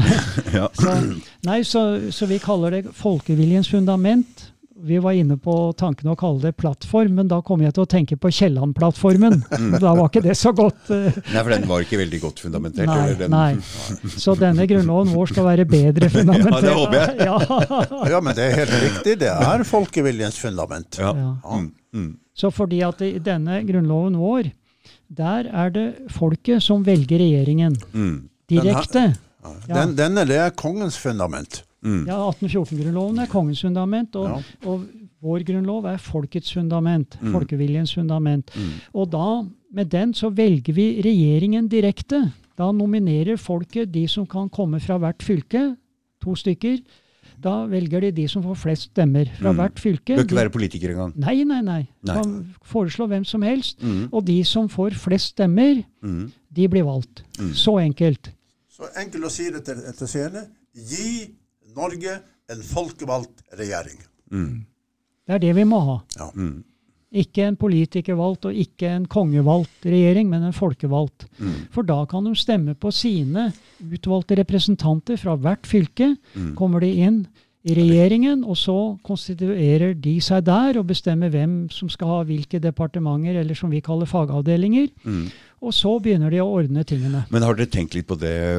I USA for eksempel, så koster det utrolig mye å drive valgkamp, og folk er lettlurte når det gjelder propaganda og sånne ting. Har dere tenkt noe om Ja. hva, hva som er lov og ikke lov der? Eh, Ja, altså vi har Vi kan jo tenkt- ikke ha folk som er rike som kjører en sånn propagandamaskin som gjør at de blir valgt på feil grunnlag her. Da forsvinner pressestøtten. Den dagen vi får direkte demokrati, så opphever, opphører pressestøtten. For det er våre skattepenger som de får, som går til å, motarbeide folket. Og da skal vi få en uavhengig presse, slik som jeg husker pressen den gangen. min far var aktiv hjemme i Harstad by, hvor at avisene skrev imot hverandre. Jeg var selv avisgutt, og dere sto på gata og, og, og ropte 'kom og kjøp Harstad-tidene', nytt på alle fire sidene, og solgte. Da måtte avisene kjempe om kundene selv. Nå får de det. Og det er klart at man biter jo ikke den hånda som gir en mat. Nei, og så har jo altså jeg, NRK i fjor gikk jo i forfjor sa, gikk jo ut og sa på en pressekonferanse at de ikke skulle være nøytrale når det gjaldt Trump. Og jeg, Ja. vi vet jo i klimasaken at de er eh, Og innvandring, covid, vi ser det igjen og igjen. De er ikke kritiske, og de følger altså eh, en agenda som er Ja. regjeringens eh, agenda. Agenda. Nemlig. Så, og, Og kongen er og sjef for for er, regjeringen. dette er veldig farlig for samfunnet. For hvis vi ikke eh, får lov å diskutere ting, så blir det en trykkoker. Og det Ja. kommer til å poffe opp. altså Vi må få lov å snakke om ting, og det må kunne diskuteres åpent. Og hvis ikke, så lager, Ja. lager det sånn trykk på det. Det kommer til å baffe opp. Nemlig. Gjør det. Du spurte jo om vi, vi, hvordan unngå at noen kan eh, bruke pengene for å få Ja, sin mm. mening igjennom. Mm. Ja, her blir det jo da forslag Mm. som kommer fram, som blir presentert på nettet Mm. eller på eh, kommunale rådhus osv. Mm. Men folk kan gå inn da hvis det er et forslag om en lovendring f.eks., så kan du gå inn på nettet og se på den, det forslaget. Mm. Og så er det laget en konsekvensutredning at hvis den Yes. loven går igjennom, så vil det bli de og de konsekvensene. Hvis den ikke går igjennom, så får det andre konsekvenser. Mm. Positiv og negativt. Positiv og negativ. Og hvis det er noe som koster penger, så får man greie på hva det er satt opp ordentlig kalkyle, hva det koster. Ja. Vil du ha det? Er du da villig til at vi betaler for det? Mm. Eller er du ikke? Og så vil flertallet da avgjøre det i den saken. Hvor ofte skal disse bytte, byttes, f.eks. valg hvert fjerde år? Som Ja, regjeringen, det Mm, har, vi ja, sa, mm. det har vi sagt fire år. Ja, som, som før. Ja. Mm. Det, som, det som er, er at eh, folk som gjerne vil fram i maktposisjoner, er, er som regel feil folk. ja, og det, Det er et problem. For Ja, du skulle nesten hatt folk som ikke vil ha makt. Det er de som skal ja, dyttes fram. helt riktig. Og det, sant? det, har vi, det har vi jo tenkt på, da. Ja, Det, vil skje Mm, Det vil mm. skje. Ja, Ja. ja. Så, så det, det har vi tenkt på, fordi at eh, dette er ikke noe karriereplattform. Nei. Så, så de som kommer inn der, de, de blir ikke heltidspolitikere med full betaling sånn Nei, som nei. nå. Mm. Nei. Så det, det, hvem som helst kan komme inn der. De får godtgjørelse for å være der i de fire åra. Mm. Og så kan folket da stemme inn nye. Mm. Eller de samme hvis de er fornøyd med dem. Mm, mm. Og hvis de ikke er fornøyd med dem i den perioden de er valgt for, så kan de kaste dem ved, med en folkeavstemning, med Ja. et forslag om det. Mm. Da går de til denne komiteen og legger fram det forslaget. Da må de ha et visst antall underskrifter. Mm. Og så blir det lagt fram til folk. Og hvis folk For det da er mis... sånn, ja. forslag kommer inn. Du kommer med et forslag, og hvis det får så og så mange underskrifter, så går det til eh, en, en avgjørelse. Et, ja, så et det valg. er en eller- komité da som legger det ut. Mm. Hvis det har, stiller krava til en folkeavstemning, så blir det lagt ut på nettet Mm. fra denne komiteen.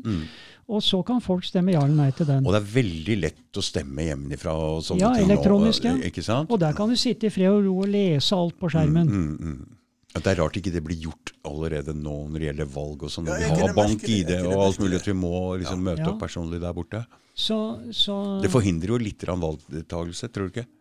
Ja, men man kan jo lure på hvorfor dette Arbeiderpartiet alltid får flest stemmer. Hvis det hadde vært en digital avstemning, kan det være grunnen til at de ikke de vil ha en digital avstemning, fordi systemet er så innarbeidet så de har kontroll på det? Jeg vet Jeg ikke. Kan det kan bare være noe at det må Ja. signeres ja, nå, egentlig du, du, tenk, over, tenk over hva som foregår nå. Nå går vi i et stemmerettslokale. Ja. Og så putter vi denne konvolutten i urna. Signerer vi på den der? Eh, Nei, ja, vi, nei, nei, nei, du, nei, vi gjør må, ikke det. du, du må Nei, nei, nei, identifisere deg. Du må, Mm, ja. Så den blir ikke signert. Nei. Så det er ikke noen grunn til at vi egentlig skal gå dit, for den bank-ID-en er samme som en identifikasjon. Egentlig, Du behøver ikke å gå i, i, i stemmelokalet. Men- Jeg kan høre hvor mange ganger jeg har stemt. Jeg har ikke peiling på Nei, det engang. men du, kan, men du kan tenke litt over hva som egentlig foregår. Ja. Jo, det er så hemmelig når vi stemmer. Mm. Ja. Men opptellingen, hvem er det som har kontroll med den? Ingen. Ja. Og det er en svakhet. Men i, med vår grunnlov så blir alt åpent. Mm. Ingenting er hemmelig. For det er folket som eier landet. Og da skal folket vite alt. Og For det, det vi ser når Vi har jo sett kanskje noe høringsforslag har vært innom, og dere har sett hvor mye høringsforslag som hele tida nå går inne på mer hemmelighold Ja, og mindre åpenhet. ja. Og mer restriksjoner og mer, mer muligheter for å altså Det er bare sånne regler Så det har vi vært går veldig opptatt av. At ikke noe skal være hemmelig. Hvorfor skal det være hemmelig Hvorfor for skal, ja, hvorfor skal det være hemmelig? ja, hvorfor skal det være hemmelig for, for, for meg, men ikke for deg, f.eks.? Du, hvis du har gjort det- noe, så må du stå for det. Ja, men Robert, det er jo partisystemet for å splitte oss. Ja. Det er for å splitte oss. Og så Og det er derfor partisystemet er opprettet. Ja. Ikke sant? Hvorfor har man ikke, går man heller ikke fra sak til sak, som et, sånn som et direkte ja, for, for, for, de gjør? ja, for det blir, det blir systemet nå, at vi stemmer over saker. Ja. Ikke på partier eh, som, som vi skal avgjøre hvem som skal styre eller komme på Stortinget. Nei, vi stemmer over en sak. Vil du ha en ny vei, eller vil du ha en asfalt på den veien vi har? Hvis det er en grusvei, da stemmer vi over det. Og da behøver vi ikke å krangle med noen om, om eh, politiske ideologier eller noe sånt noe. Mm. For det er veien vi skal ha. Mm. Det er sånne ting. Ja, det, Og de politikere som er nå, de får finne seg noe annet å gjøre. Helst noe, helst noe kroppslig greier. Noe sånt. Ikke sant? Kroppslig arbeid et år for alle sammen. Det tror jeg Ja, hadde de- vært Jeg vil, Du jeg vil bare tilføye her for eksempelvis med det her med partiene. Vi sa at eh, stortingsvalget er nasjonal svindel. Men hele partisystemet er jo en nasjonal svindel. For Jeg sa jo det tidligere her, fordi at Stortinget har ingen makt, så Det er jo nasjonal svindel. Alle de som jobber innenfor partiene og driver partipolitikk, driver svindel. For de lurer oss til å gå og stemme på et system som ikke har makt, som ikke kan ta noen avgjørelse, fordi det er kongen som bestemmer alt. Så jeg bare sier, bare slutt å jobbe i partipolitikken. Dere som sitter i posisjoner, som er tillitsvalgte, dere kan bare si fra dere alt sammen, og alle de som, dere som er medlemmer i politiske partier, det er bare å melde dere ut. For dere kommer ingen vei gjennom partier, for det er en nasjonal svindel.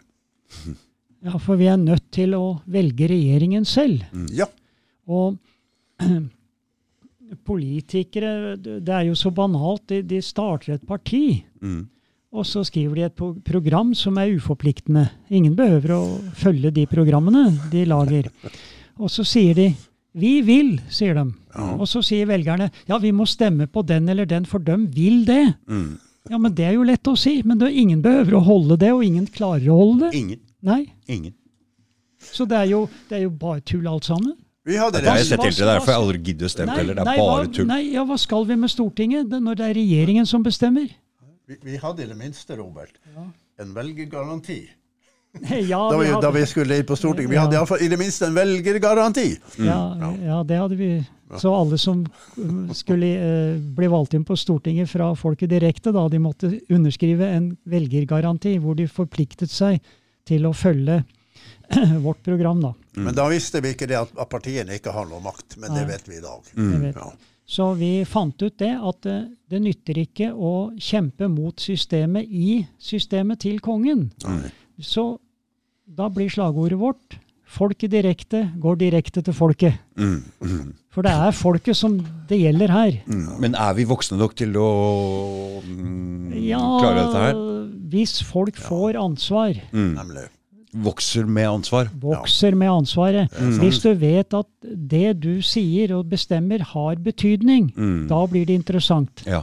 Men hvis du, sånn som nå, så har det jo ikke noen betydning, så da blir du like glad. Mm. Det er derfor folk ikke Ja. gidder å stemme. I mange land så er jo valgdeltakelsen Veldig lav. Veld, veldig lav. Ja. ikke sant? For det er totalt Det er ikke noe forandring. Nei, det blir, det blir som å, å si at du har eh, demokrati og kan stemme på den personen, og så er det ingen andre å stemme på. Mm. Mm. Så, så det er like, like håpløst. Mm. Så vi har blitt holdt for narr helt siden 1814, Off. og det må det bli slutt på nå. Ja, det er bare for bokstavene Så- dere sier der. Ja. Så, så med den grunnloven vår, da, så, ja, men, så vi kaller den Folkets frihetsbrev. Mm. Det, er- det er det vi kaller den. Fordi at eh, folket er jo egentlig den høyeste myndighet i en nasjon. Mm. Folk er den høyeste myndighet, og, og, eh, og folket er folkesuvereniteten, for det er ingen som står over folket. Nei. Så folket er, eh, står over 1814-grunnloven, og står over regjeringen og Stortinget og alle og, do, og dom, de, dommerne og, og hele eh, styringsapparatet. Hvordan, hvordan da?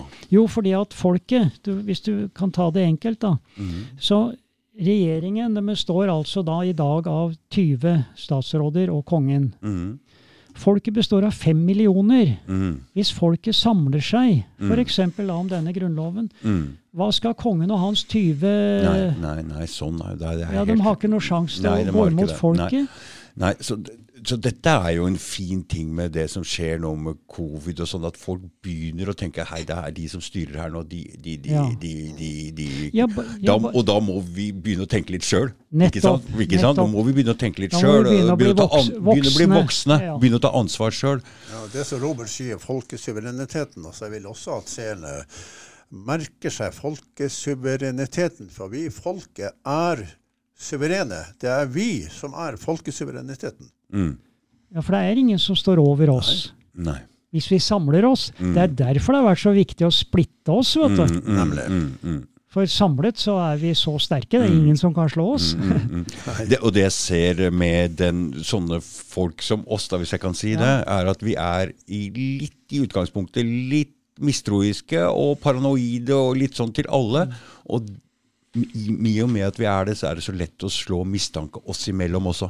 Ja visst. Ikke sant? For det, vi er jo mistenksomme Ja. til hva regjeringen sier, hva, til hva folk sier. Vi, vi, hva Mm. Ja, for er det er jo baktanker med alt. Ja, baktanker med alt, og derfor så blir, er det så lett å slå splid oss imellom, og dette tror jeg de er veldig klar over, Ja, jeg, og benytter seg av. det er jeg lei av. Alt det der forsvinner. Ja. Alt, alt det forsvinner. ja. Mm. Det faller bort vel ingenting å være mistenksom Ja. på. Man går til folkeavstemning. Ferdig med det. Mm. Det er ingen som kan sitte og sjonglere med noen ting. Så, så vi har jo tatt med ei paragraf 23 i vår grunnlov, da, alternative grunnlov. For der, det vi skriver der, da blir det slutt på dette stråmannssystemet og det vi begynte med, vet du, med personnummer og dette her. Mm. For da blir det slutt på begrepet juridisk person. Mm. Da blir det juridisk enhet. Ok. Fordi eh, Jeg kan lese opp fra den paragrafen der, for den er veldig viktig. Ja. Akkurat det vi har skrevet der. Så mm, vi må ta oss tid til det. Ja, ja.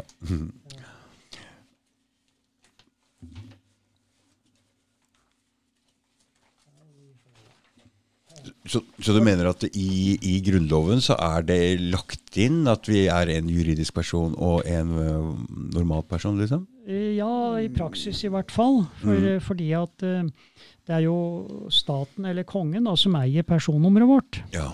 Mm. Så da er vi jo, da er vi jo i, i det systemet så er vi en juridisk person. Mm. Og vi blir jo stilt ansvarlig for hele statens gjeld. Mm. Vi må betale den med skatter og avgifter. Mm.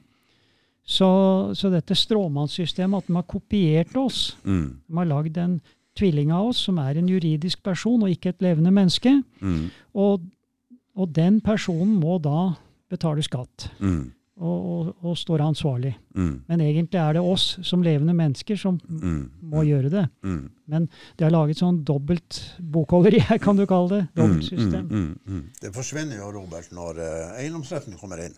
Ja, for den forsvinner. Det er ikke noe grunnlag å trekke eh, Nei. Skatten er borte. Ja, Personlig skatt. den er borte. Og så har vi da under generelle rettsgarantier i paragraf 23. Ja. For der står det, som vi har skrevet da, Norges lover og denne grunnlov er basert på landets lov og naturlig lov. Det har du hørt om. Mm. Det, det skal vi se poengtere at de, eh, seerne må merke seg at landets lov er innskrevet i vår grunnlov. Ja. Ja. Viktig. ja.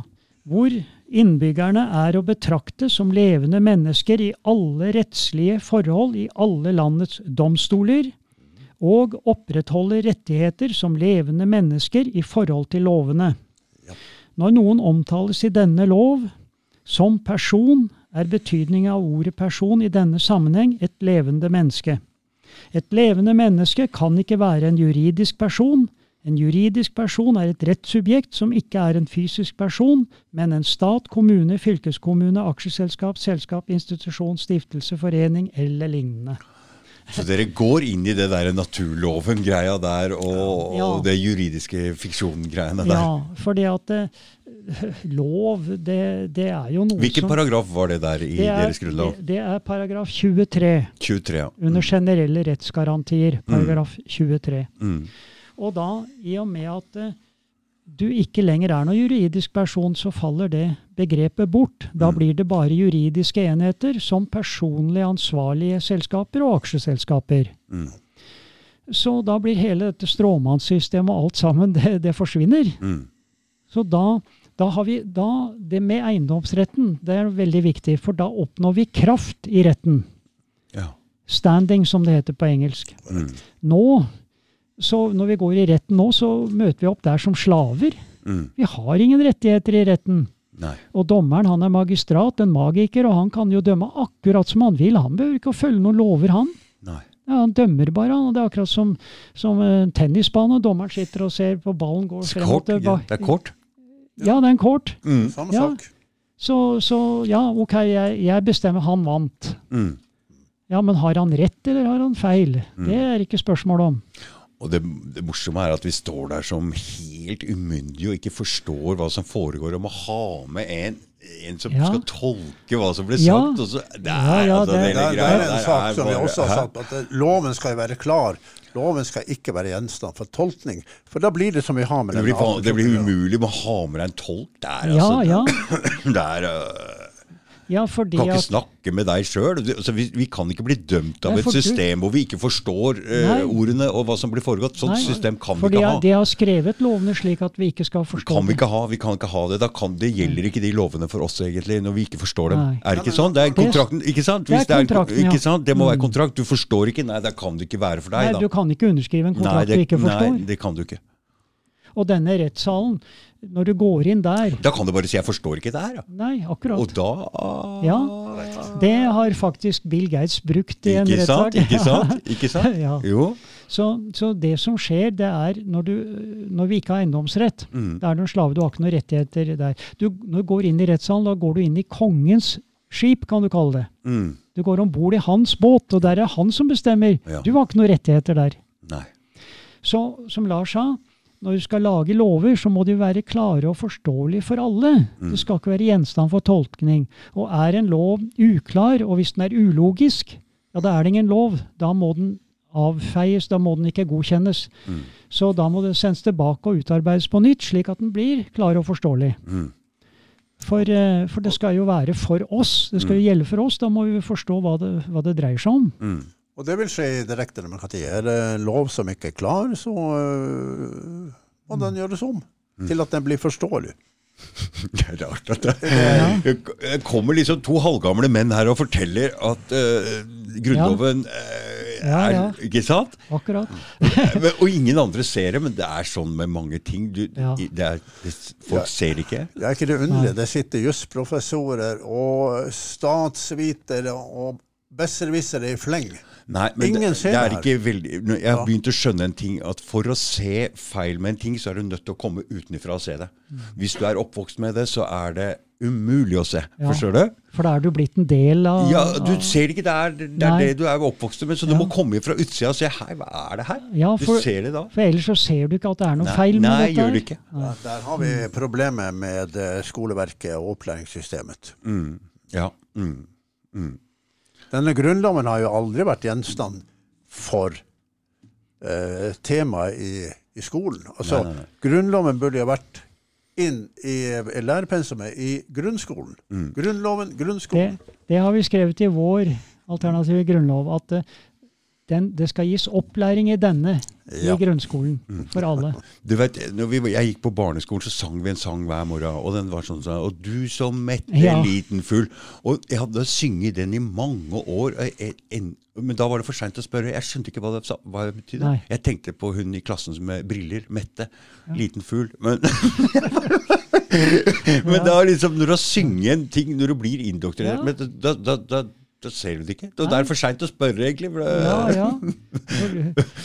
Sånn er det med ting du får trøkt sånn. Du ser ikke. Nei. Det er det samme med oss også. Vi oppdaget det når vi eh, var midt i denne underskriftsinnsamlingen, at himmel og hav Det nytter ikke å sende det opp til kongen, for han vil ikke signere på sånt. Mm. Så demokratiet stopper ved kongens bord. Mm. Nei, så vi er jo blitt hjernevasket og manipulert fra, Mm, mm, fra mm, barneårene, vet du. Med dette at det er så bra i Norge, og, og demokratiet vårt og allting, og alt er så flott. Det er derfor vi som blir dytta litt ut på sidelinja, klarer å se det litt annerledes. For da kan man se det litt på avstand. For det, det er sånn med alle ting. Når man er midt inne i en ting, da har du ikke, veit du ikke hvor Nei. det er. Du ser ikke. Nei, så jeg øh, kom jo utenifra på den måten, da, og, Mm. og har lært å, å, å lese og tenke sjøl, da. Mm. Så, så jeg har jo utviklet meg gjennom alle disse årene. Ikke Det sant, ikke sant? Mm. det tok 50 år før jeg begynte å skjønne noen ting. Ja. Men du fikk god opplæring i den saken du hadde med den eiendommen din også. Ja, Det var det- god skole, det. ja, de hadde en sak nede i Askim eh, om eh, noe eh, eh, ja, konsesjoner og, og sånt, noe dyrka mark. da. Mm. For der kjøpte jeg en eiendom, Mm. og den, den lå ned til et dyrka område som, som eh, det jo er konsesjon på for å få kjøpt. Mm. Og så viste det seg at han jeg kjøpte min tomt av, han hadde også kjøpt en del av den dyrka marka der nede og hadde tenkt å bygge blokker der, mm. midt i utsikten for meg. Mm. På, og da tenkte jeg, kan han ha fått konsesjon på det? Der ute i Askim.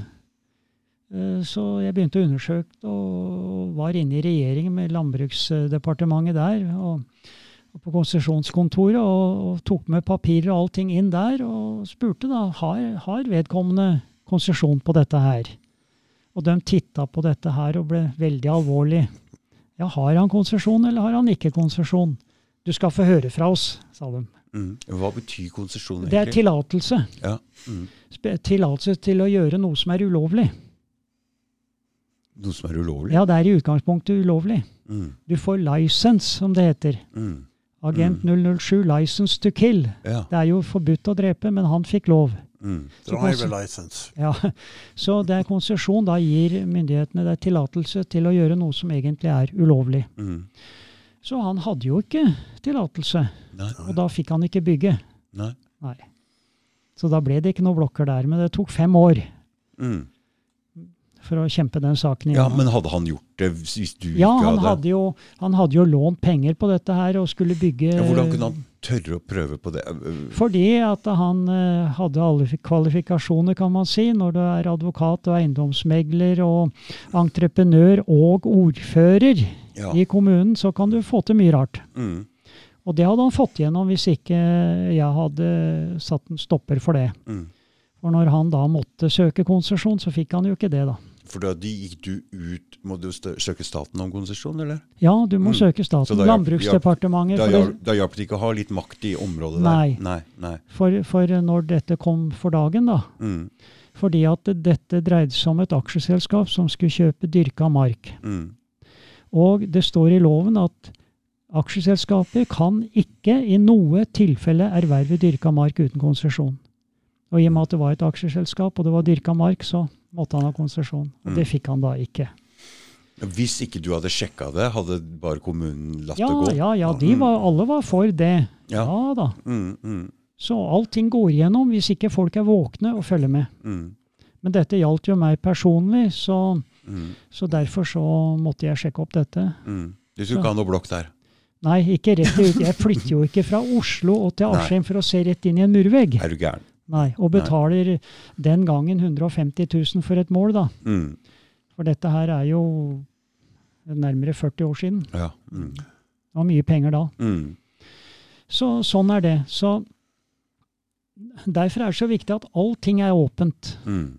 Ikke noe skal være skjult. Mm. Nei. Så ja, vi har jo også en annen ting, da. Dette Nærmere, nærmere mikken. Du må holde- Ja, jeg skulle se her på hva jeg Så eh, vi har jo noe som heter eh, økonomi også. Og eh, pengene, ja hva er penger? Hva er penger? Penger ja. er gjeld. Penger er gjeld, ja kan vi stole på disse pengene? Kan vi stole på gjelda vår?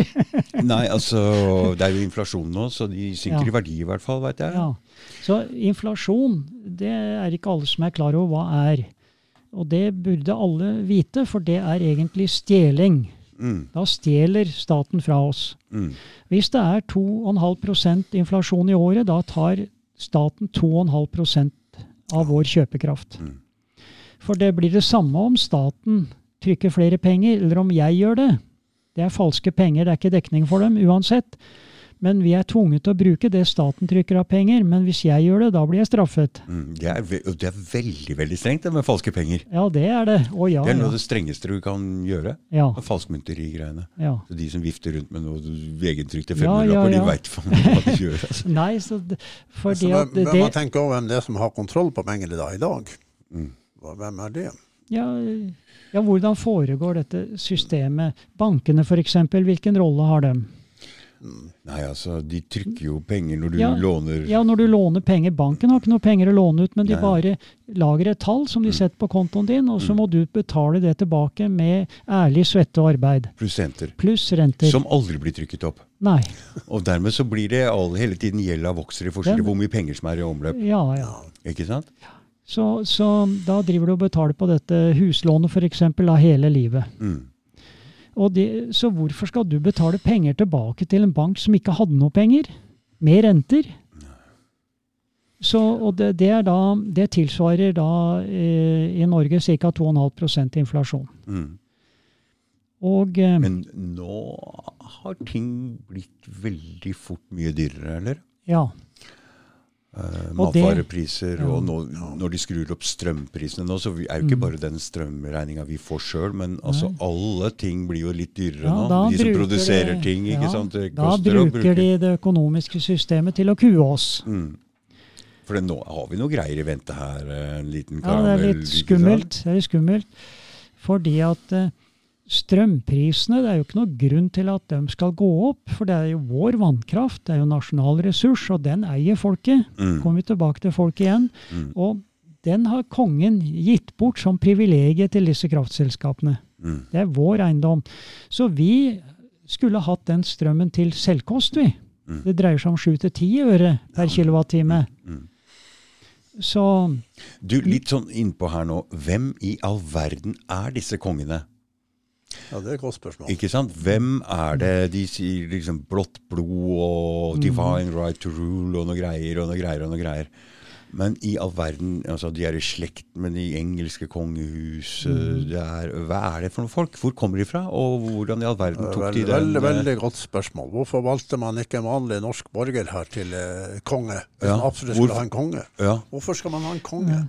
Nei, konger, konger det er jo folk som har tatt makten. Men de, de, de, der kommer vi inn på det med paven igjen. Paven godkjenner da Mm, deg mm, at du mm. eh, får lov til å Ja, men det er jo noe spesielt, for vi lever jo i et protestantisk land, og der mista vel eh, Ja, altså det- Hva skjedde her? Ja, nei, det er eh, Siden svartedauden, da. Mm, så var det jo, da var det nesten ikke folk igjen her, og da tok danskekongen Norge, rett og slett. ja. Bare tok over det. Mm. Når var det? Eh, Det var i 1380. Fy faen, Norge har vært under Ja, helt siden den Ikke tiden. sant, skjønner du? Og, og, og, og, og jeg ser jo det at det norske Det er ikke mye kraft i det, nordmenn. Det er eh, vi har, jeg, Nei, vi jeg blitt- tror vi ja. har blitt kua, og jeg tenker det ja, for du husker lensmann og presten og fogden og Fogden og futen er jo danske og Ja, svenske ja. ord her. Ja, så det er danskekongen som uh, plasserte sine folk her til å, til å ta våre verdier. Mm, Skattlegge oss. mm. Og det, det gjenspeiler litt og disse folka som stakk til Island, og det er jo noen nordmenn, er det ikke? Som Mm. Jo. ikke ville finne seg i noe greier. De ville være frie Og og de er litt annerledes enn oss. Det er litt tøffere. De er, kjører litt annerledes eh, Ja, greie der. Ja, det, vi, vi må lære noe av dem. Ikke sant? Og de har det gamle norske språket. Det er mye, mye skjult Mm. Ja. i, i, i, Ja, i for det i vikingetiden så var det andre ting som gjaldt. Mm, Da var det rettskaffenhet og ærlighet og de tingene der. mm, Det skulle være ordentlige greier. Mm. Og en, en mann, han, eh, hvis han skulle være en mann, så skulle han eh, være av hel ved. mm, skulle ikke være noe råtne høl. mm. Så det var noe helt annet. Men med dette kongesystemet og alt dette her, så er jo alt blitt korrupt. Mm, Og vi er blitt demoralisert. mm, mm. Det kan jeg tenke meg. Og jeg Ja. kan også tenke meg det at siden både Sverige og Danmark har hatt interesser i utlandet, kolonier, de har prøvd seg Mm. litt sånn, så kan de nok ha tatt på alt som kan smake av eh, opprør, tatt på dem dansk uniform, sendt dem bare Ja. ut av landet. Og jeg tror kanskje Ja. veien tilbake har blitt for lang å komme til grisgrendte Ja. Norge tilbake, så de har luka ut Mm. alt av motstand her. Fordi jeg, jeg, jeg ser eh, nordmannen er ikke veldig Det er ikke veldig mye Mann igjen. Nei, nei, Nei, det er nei ikke det. de, de har Det sine kan vi jo se på statsministeren og alt det her, hva de holder på med. med hva, hva heter det her eh, Som Støre også deltok i. Og ja, pride og dette her, ja. Ja, riktig. Mm, ja.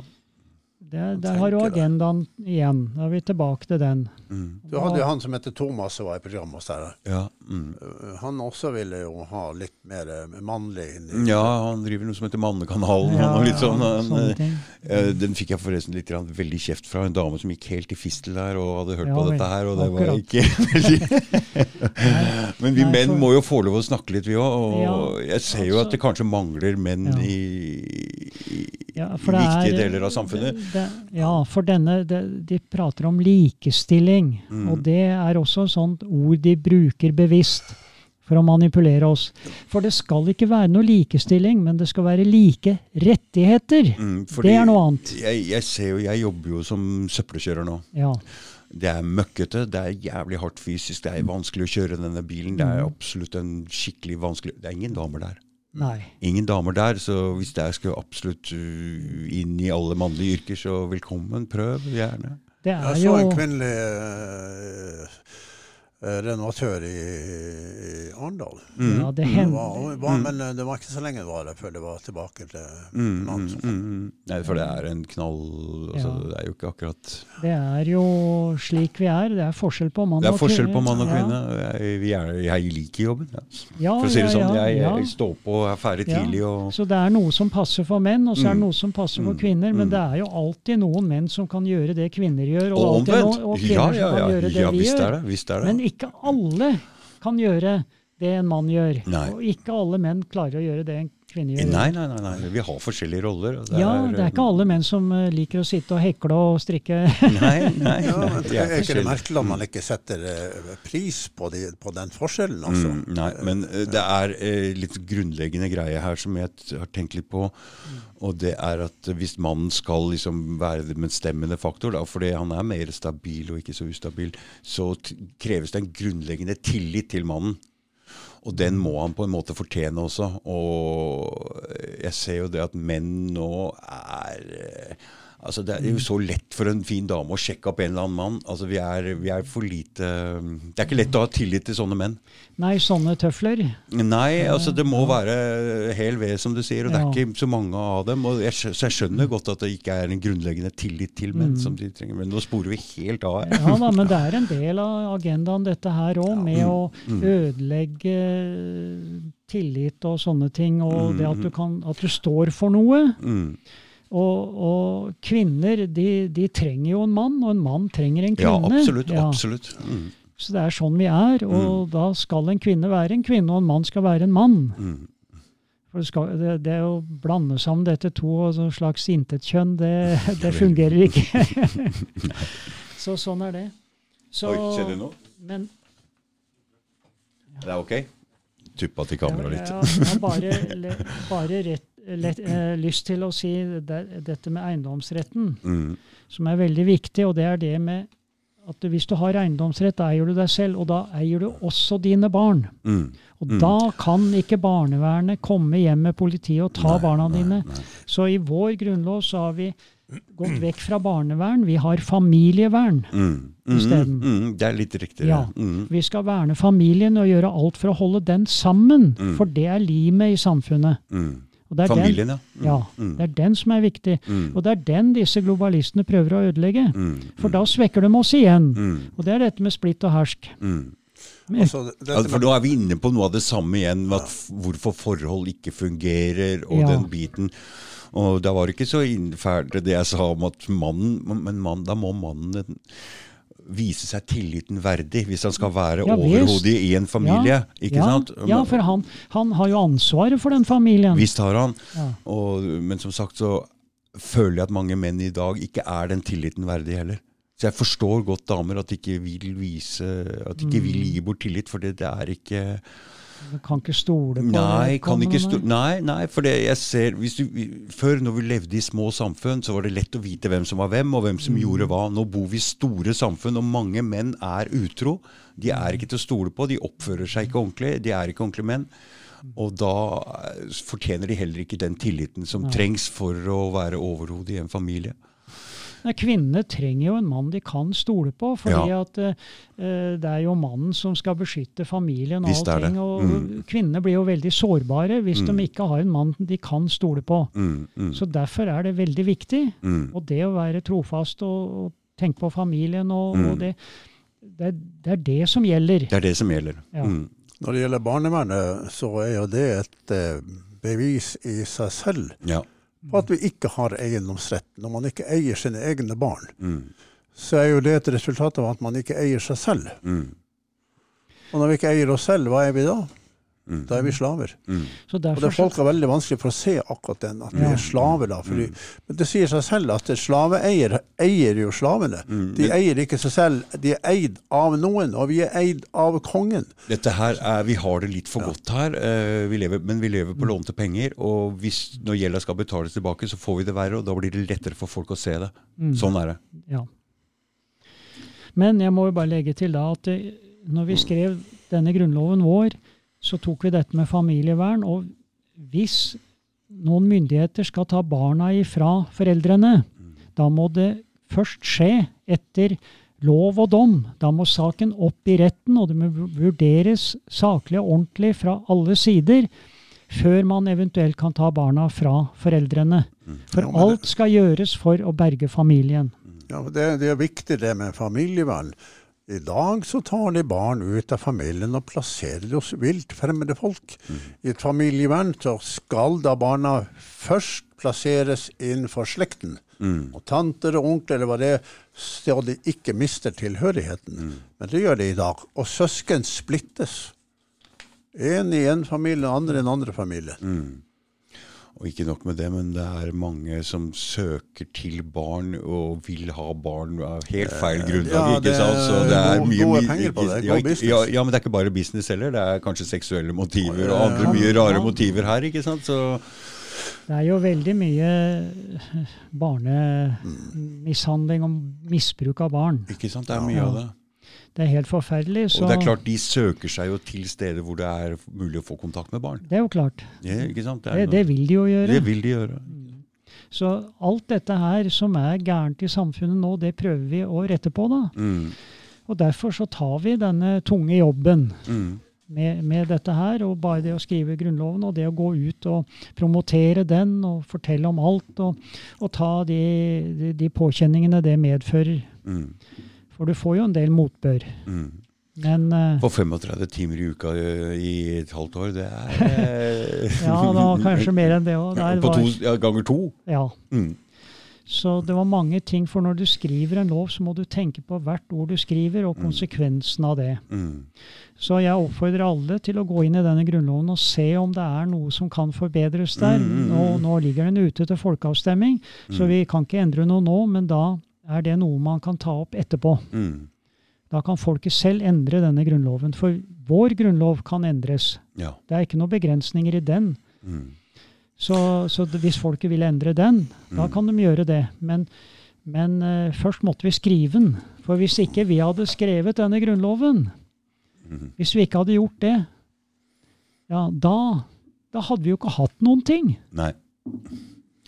Det, det, det, så jeg sa til Lars at eh, vi må ha en, en, en grunnlov, et alternativ, noe konkret. Mm. Vi kan ikke gjøre som de andre partiene og bare si 'vi vil'. Mm. Mm.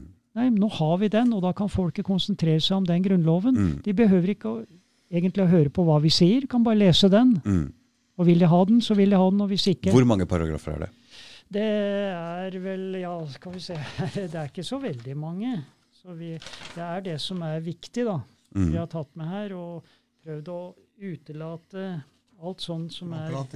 Ja, utelate alt som er, eh, er uve, uvesentlig. Så det er eh, 61 paragrafer. 61, ja. Ja.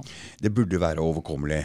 ja, det er ikke så mye. Det er enkelt skrevet, og for det har vi lagt 121 her. Ja. Så det er for kortere ned òg, ja. ja. Mm, mm. Så vi har skrevet det enkelt og, og gjort det forståelig. Mm, mm, mm. Det skulle være greit for alle å forstå dette. Ja, La oss oppfordre alle til å i hvert fall ta en titt på det der og se om det kan være noe. Kan, og dere sier dere har løsningen her? Ja, for vi har det vi mener er løsningen. For det er ingen andre som har noe, noe løsning. De har ikke noe å tilby. Nei. Det er ikke noe annet. Det er bare vi som har denne grunnloven. Og Mm. den Vi må ha en ny grunnlov. Vi kan jo ikke bruke den vi har. Nei, Når vi hører hvordan den kom i stand også, så Ja. skjønner vi at det der er bare svindel. Men uh, når vi snakker om løsningen, og vi har vært ute, og mange kjenner til oss, dokument.no kjenner til oss, Resett vet om oss, andre alternative medier, alle sammen sitter og debatterer alle problemene. Det eltes, de, de kjører drøvtygging på det. Det er nesten som man skulle tro at de, de, de, elsker å sitte og prate om problemene. For ingen av de spør efter en løsning. Ingen. De bare prater om problemene. Mm. Og Derfor er det så flott å komme hit, hvor at du var åpen for å høre vår løsning. Klart det! For det er vi som Jeg har er nysgjerrig interessert i alt som kan ja, og, og, og det er ingen andre som kan ha den løsningen. Det her er den eneste løsningen som er gangbar. Fins ingen, ingenting annet. Nei. Finnes ikke. Nei, For her, er, her får folket makta tilbake. Mm. Og det som er viktig når det gjelder demokrati, det er at man har ytringsfrihet, som vi har snakket om. Mm. Og vi har tenkt mye på når det gjelder ytringsfrihet, er det noe man ikke kan si? Ja da. Ja, men vent litt nå. Ja. Men, men, men eh, vi, ja, vi tenkte mye på det, og jeg har tenkt mye på det. Så, så For i utgangspunktet skal man kunne si og skrive akkurat hva man vil. Mm, mm, mm. Men kan det da være noe som man absolutt ikke Ja, jeg veit Ja, mye. Jeg vet ja mye. men ja, jeg, vi har skrevet en ting her som man ikke kan si og skrive. Ja. Og det er at man kan ikke komme med falske og ærekrenkende beskyldninger mot noen. Nei. Hvis det er ekte og sanne, da kan du komme beskyldninger mot noen. Men, men, men, men, Men kan du ikke vite helt sikkert det- før man sier noe? Eh, Nei, det må du vurdere sjøl, da. Du Ja, må stå for det sjøl. Ja, for det selv. Ja, Mm, mm, og mm, hvis du går over streken der, så kan du jo bli anmeldt for injurier og komme Ja, i retten. men du vet, det vi veit, det har vi jo bare lest et sted, eller funnet på internett, eller prøver å lage en sånn pakke jo, om sånne men ting. Og alle- alle vi veit jo ikke om kanskje Nei, hele historien der er laget, eller hva Nei, i all men verden du er det? kan, du kan henvise til at du har sett det der og der, da. Mm. Men, men også det kommer falske og uriktige påstander om noen, da. Det, det kan ikke være lov for hvis jeg f.eks. beskylder noen for at øh, han er pedofil og har med seg ja, ja, ja, småunger hjem, og så gjør han det ikke. Han er, Nei, nei, nei, Det er ikke noe gærent med han, han har ikke gjort noe ulovlig. Mm, mm, mm. Det, det skal ikke være lov å kunne si og skrive, vet du. Og dette her er jo det som blir brukt mot i barnevernet. Ja. Ikke bare komme med groteske Akkurat. beskyldninger. falske falske og uriktige. Og det er anonymisert, og det er Ja. skal, og, og anonym? Det er- Så der er Ja, den eneste begrensningen vi har kommet til, at det kan ikke være lov å si og skrive. Nei. Uriktige og falske beskyldninger mot noen. Men om du ikke liker en person og kaller ham for drittsekk eller noe sånt som Torbjørn Berntsen også gjorde med politikere i England, Mm, ja, det må han få lov til, for det er hans mening. mm, mm, mm, Og du kan fortelle om alt mulig om religioner og allting. mm, Og det skal ikke være noen hatparagrafer. mm. Du kan ikke nekte folk å ha følelser, og du må ha lov til å uttrykke sine følelser. Mm. Men som sagt, ikke hvis det er noe uriktig og falskt og ondskapsfullt som ligger bak. Mm, Men om du har meninger, så må du få lov til å si dem, selv om folk ikke liker dem. mm, mm. For det er, det, det er aldri noen som liker eh, alt du sier. Nei, da, vi veit jo om det er noen Ja. ting som det ikke går an å snakke om i samfunnet Ja, i det hele tatt, så- så det blir bare ja. dytta ut. Ja, Og så er det sånn vanlig høflighet og sånn som du vet, dette er ikke noe, dette bør du ikke snakke om. For av, av, hensyn til enkelte personer, du tar hensyn. Mm, mm, Men hvis det er noe viktig, mm, da må du jo kunne få lov til å fortelle om det, slik Mm. at det, det kommer fram i lyset. mm. Ja, det er helt Så sånn. det, det, det har vært mye For det er, det er skummelt det som skjer nå med at uh, presidenten blir Twitter-kontoen hans blir altså Facebook det, er, ja, det er merkelig opplegg. Ja. det var- Nei, det merkelig. fins ingen ytringsfrihet. Nei, vi ser jo det, men det er jo- Det vekker Sosiale medier, alt det er jo kontrollert, så det er, jo- det er jo skammelig. Mm. hvordan Ja. Og vi har jo skrevet brev til det her med uh, faktisk.no og bedt de å faktasjekke Grunnloven. Ja. Ikke, ikke et svar fra det. Men det kan vel bero på at de Nei, forstår hva den Grunnloven er for noen ting. Eller at de ikke forstår en dritt. Eller det, ja. Nei, jeg tror nok de vet at de, den, den vil de ikke ta en debatt på. Mm. Men de kan faktasjekke den. Faktasjekkene, Faktasjekke det. Flere av dere som ser på, kan bare be faktasjekkene faktasjekke 1814-grunnloven. Mm. Det må bli en debatt om det her. Det må bli en debatt om 1814-grunnloven, hva den er og ikke er. Og hvorfor den kom i stand. Ja. Ja, det hvor, også. det er veldig blir- viktig. Ja, for det er veldig viktig å, å forstå hvorfor den kom i stand. For da kan man allerede sette et litt mistenks den ble laget på det Ja. grunnlaget. Da må vi titte på den. Ja, Ja. men alle, alle grupper på, på, på Facebook kan begynne å diskutere 1814-grunnloven. Ta utgangspunkt i den, eh, dette programmet her. Ja. Ta utgangspunkt i den videoen vi lagde, 1814-grunnloven et bedrag, og hør hvordan vi forklarer grammatikken. Oppbyggingen av, av eh, paragrafene, for det er likelant i, i den røde lovboken også. Alt er gjenstand for tolkning. Ja, for vi er jo blitt opplært til å tro at Ja. denne 1814-grunnloven sikrer demokratiet. Og de har jo skrevet i paragraf 2 òg, og så er det et kongedømme. Alt er en svindel. Så hele Grunnloven Så- faller bare på den motsetningen mellom paragraf 1 og 2. Bare det senker hele den 1814-grunnloven. Jeg må legge til en ting til når det gjelder ytringsfrihet. For når det gjelder hatlovene, Ja. så har jo politiet sagt det at vi kan ikke si på forhånd hva som er ulovlig å si. Nei. Det må vurderes i ettertid. Mm. Kan du tenke deg. Ja, Men da vet du jo aldri hva som er lov å si. Nei, for det kan du plutselig bli dømt for noe fem år etter at du har sagt det. Ja. Så da var det helt andre regler. Og det ser vi jo nå. Altså, altså Komikere og sånn som det var morsomt. Plutselig så er du, blir du Ja, så er det kriminelt. Ja. ja, Ja, ja. hvorfor har de skrevet det sånn? De har jo, det er jo splitt og hersk. Allerede i, i lovparagrafene. Man kan ikke Splitt ha en tilbakevendende lov sånn Ja. som plutselig gjelder. Nei, nei, det, går, det går ikke. Nei, for da vet du aldri hva du har å holde deg til. Mm. Så ja, dette var jo da i hovedsak Mm. det, det vi har drevet med. Mm. Så, så denne grunnloven vår, da, den tar jo sikte, sikte på at folket skal få rettigheter, Mm. ikke privilegier. Mm. Klare rettigheter som de kan kreve. Mm. Og da behøver det ikke å være noe tvil. Og du Mm. behøver ikke å gå til noen politikere eller partier og be om hjelp til noen ting, for du har klare rettigheter. Mm. Så Men når, når det gjelder det her med velferd, velferdssystemet, velferdsstaten Mm. Ja, jeg vil si at velferd er kommunisme satt i system. Og så kan folk undersøke hva er denne velferden for noen ting. Velferd er privilegier. Velferd er et resultat av vi har ikke rettigheter. Vi eier ikke oss selv. Vi eier ikke landet vårt. Hva er det vi lever og bor i? Vi bor og lever i et diktatur. Ikke sant?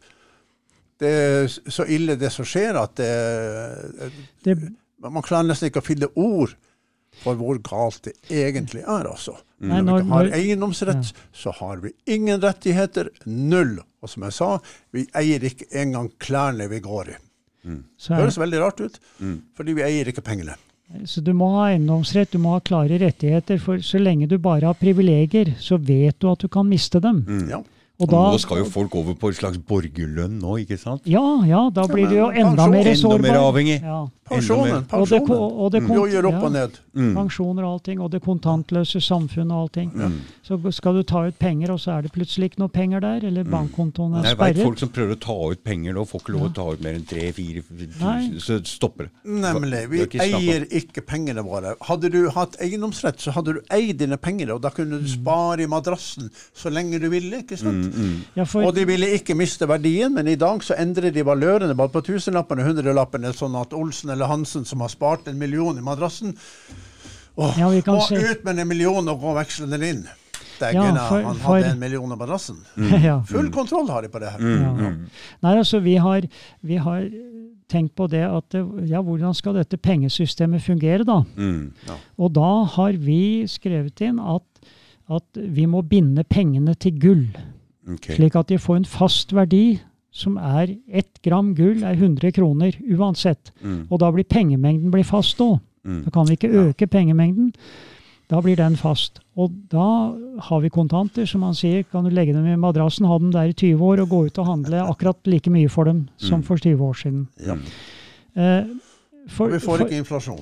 nei, Men det så- er et bare problem at Norge eier ikke noe gull nei, men det, akkurat nå. det, nei, men det spiller ingen rolle, skjønner du. Fordi at du bare setter verdien til 100 kroner, verdien for ett gram gull. Mm. Enten vi har gull i beholdning eller ikke, så er de pengene vi bruker, det er tilsvarende da 100 kroner, ett gram gull. Mm. Vi behøver ikke ha det i beholdning. Nei. Det er bare, dette er jo teoretisk, ikke sant? Så vi Mm. bare binder det til den verdien. Mm. Så hvis ett gram gull i dag koster 400 kroner, og det skal koste 100 kroner, ja, da deler du bare på fire. Da reduserer du alt i samfunnet med fire. Mm. Så da, det, det du har av penger, du veksler inn det du har, og så veksler inn 400 kroner, så får du 100 nye. Som er verdt ett gram gull. Verdien. Man bare si til seerne at de må merke seg det her med, med, med at man har bundet opp pengene til gullet. Det, det, det er veldig viktig å få med seg at man har bundet opp pengene til gullet. For uansett så All inflasjon er borte vekk. Borte, Ja, det- borte. det For i dag er det sånn Norges Bank setter den inflasjonen til 2,5 per år, og snyter oss altså på 2,5% i kjøpekraft. Men de har gjort det sånn at det her er et genitrekk, det her, å sette eh, pengeverdien til at eh, 100 kroner er lik verdien av ett gram gull. Inflasjon er vekk. Alt er stabilt. Ja, Ikke noe deflasjon heller. Nei. Så da, hvis et brød koster ti kroner i dag, så koster det ti kroner om ti år. Da går det an å spare litt. Da kan du Da få kan du spare, spare, ja. og, og der er du inne på et viktig eh, punkt. Når du eier deg sjøl, og du eier inntekta di, Mm. da, blir ikke, da kan ikke den beskattes. Da kan du spare penger, og da kan du bli selvstendig og bli trygg. Mm. Da kan du betale huset ditt og bilen din og allting. Mm. For, for da, da, da har du ordentlige penger. Mm. Nå så ødelegger, ødelegger myndighetene muligheten til å spare. Mm. Med inflasjon Ja. og, og eh, med skattlegging osv. Så, videre, så du har jo ikke noe igjen. Nei. De tar jo 30-40% med en gang når du skal ha lønna di. Mm. Så da får du, da får du 30-40% mindre å bestemme over. Men, men hvis du får hele lønna di utbetalt, ubeskåret, da får du råderett over pengene dine. Mm. Og da kan du bestemme hva du skal bruke dem til. Og det, det som er systemet da, er at du har forbruksskatt. Når du kjøper noe, så betaler du skatt. Mm. Ja. 25 er det i dag. Mm. Og det har vi sagt som maksimum. Mm. Det er en fjerdedel av lønna di, det. Mm. Så når du kjøper da en, en vare til, til, til 100 000, så, så må du betale 25 så Ja, det, må, det må holde. Det må holde. Da Mm. koster varen 125 000. Mm. Så det, det, det, det må holde. Og, og da, da kan du Hvis du trenger en bil, så kjøper du en bil for de penga dine, eller et kjøleskap. Mm. Da tar ikke staten 30% og bestemmer hva de pengene dine skal brukes til. Mm. Da bestemmer du selv. Ja, Kom igjen, Lars. Ja, nei, da eh, Hva skal jeg si? at Hvis man da sparer penger Det ser som i dag, man skal spare eh, på konto. Hvor- mange prosent rente er man får på sparepengene? Det er ikke mye. Er det Nei, nei, det, det er sant? tap. Ja. Og, og hva tjener man på det i forhold til, til, til inflasjon og, og verdiminskningen? Så det er jo, man går jo egentlig minus. Ja, så lønner det seg med skattegreier og Ja. Men det, Ja, det som men meg kan du meg spare, spare pengene eh, sånn som at de- de beholder hele verdien? Mm. Da kan du spare. Kan bare glemme det der 1-1,5 prosentene man får i banken. For da beholder du verdien. Ja, Den går ikke ned, i alle fall. Nei, jeg tenkte jeg skulle spare til Jeg tenkte sånn pensjonssparing Ja, og sånn. ja. Så, så tenkte jeg ok, jeg kan prøve å dytte noen penger i pensjonssparing. Men nei da. De skulle Nei. ha det inn i fond. Ja. De skulle gå inn i aksjemarkedet. Jeg bare Ja. Nei, det er ikke Det, det, det tør Nei, jeg ikke. nei det for det er jeg. risikabelt. Det tør ikke jeg. Altså, Da kan du miste alt. Ja, det er det jeg, jeg Mm. tror kanskje vi er på vei at det rakner alt sammen. Og da mister jeg alle penga. Da vil ikke, da. Pensjonsfondet, hva er det for noe? Mm.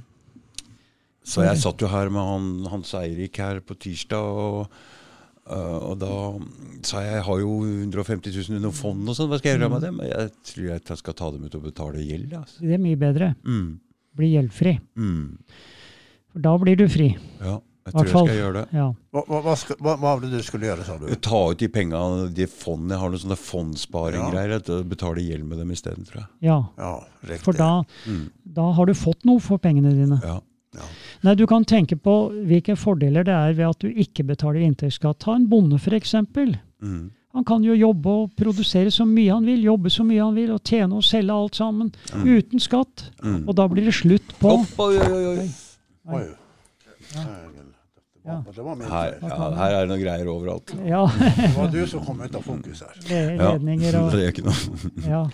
Ja. ja Nei, det ble litt trangt med to ved bordet og, Ja. og kamera og sånt, skjønner du. Ja, det er mye ledninger her. Men eh, du kan tenke på eh, hvor fordelaktig det da er hvis du ikke har inntektsskatt. Så, så det er et viktig poeng her, og det er at du, du slipper å drive skatteplanlegging. Mm, mm, Du betaler jo ikke noe skatt. Mm, mm, mm, Så en bonde, han, hvis han har eh, et godt år og tjener mye penger, mm, nå, slik som det er i dag, så må han betale mye skatt da. mm. Men det han gjør da, det er å kjøpe en traktor som han ikke trenger, bare fordi at han vil heller ha den Ja, ja, traktoren ja, ja, ja, ja. enn å Mm, betale mm, skatt. mm, For det er mye sånn der friksing Ja. og fiksing og ordning og Ja, avskrivninger og alt ja, dette alt mulig, ikke sant. Mm, Men hvis det ikke er noe skatt å ta hensyn til, mm, da vil bonden bare kjøpe en traktor når han virkelig trenger den. Eller andre maskiner og redskaper. mm, Så da sparer han heller pengene, eller bruker dem til noen andre nyttige formål. mm. Så det er masse bra ting som Ja, skjer det hvis det er er mange konsekvenser av dette her. Mm. Så, så så, så tenk Dere har tenkt på alt mulig? ja? Ja, vi har vært nødt til det. Ko- Kona mi sa det at du tenker alltid, du, sa. ja.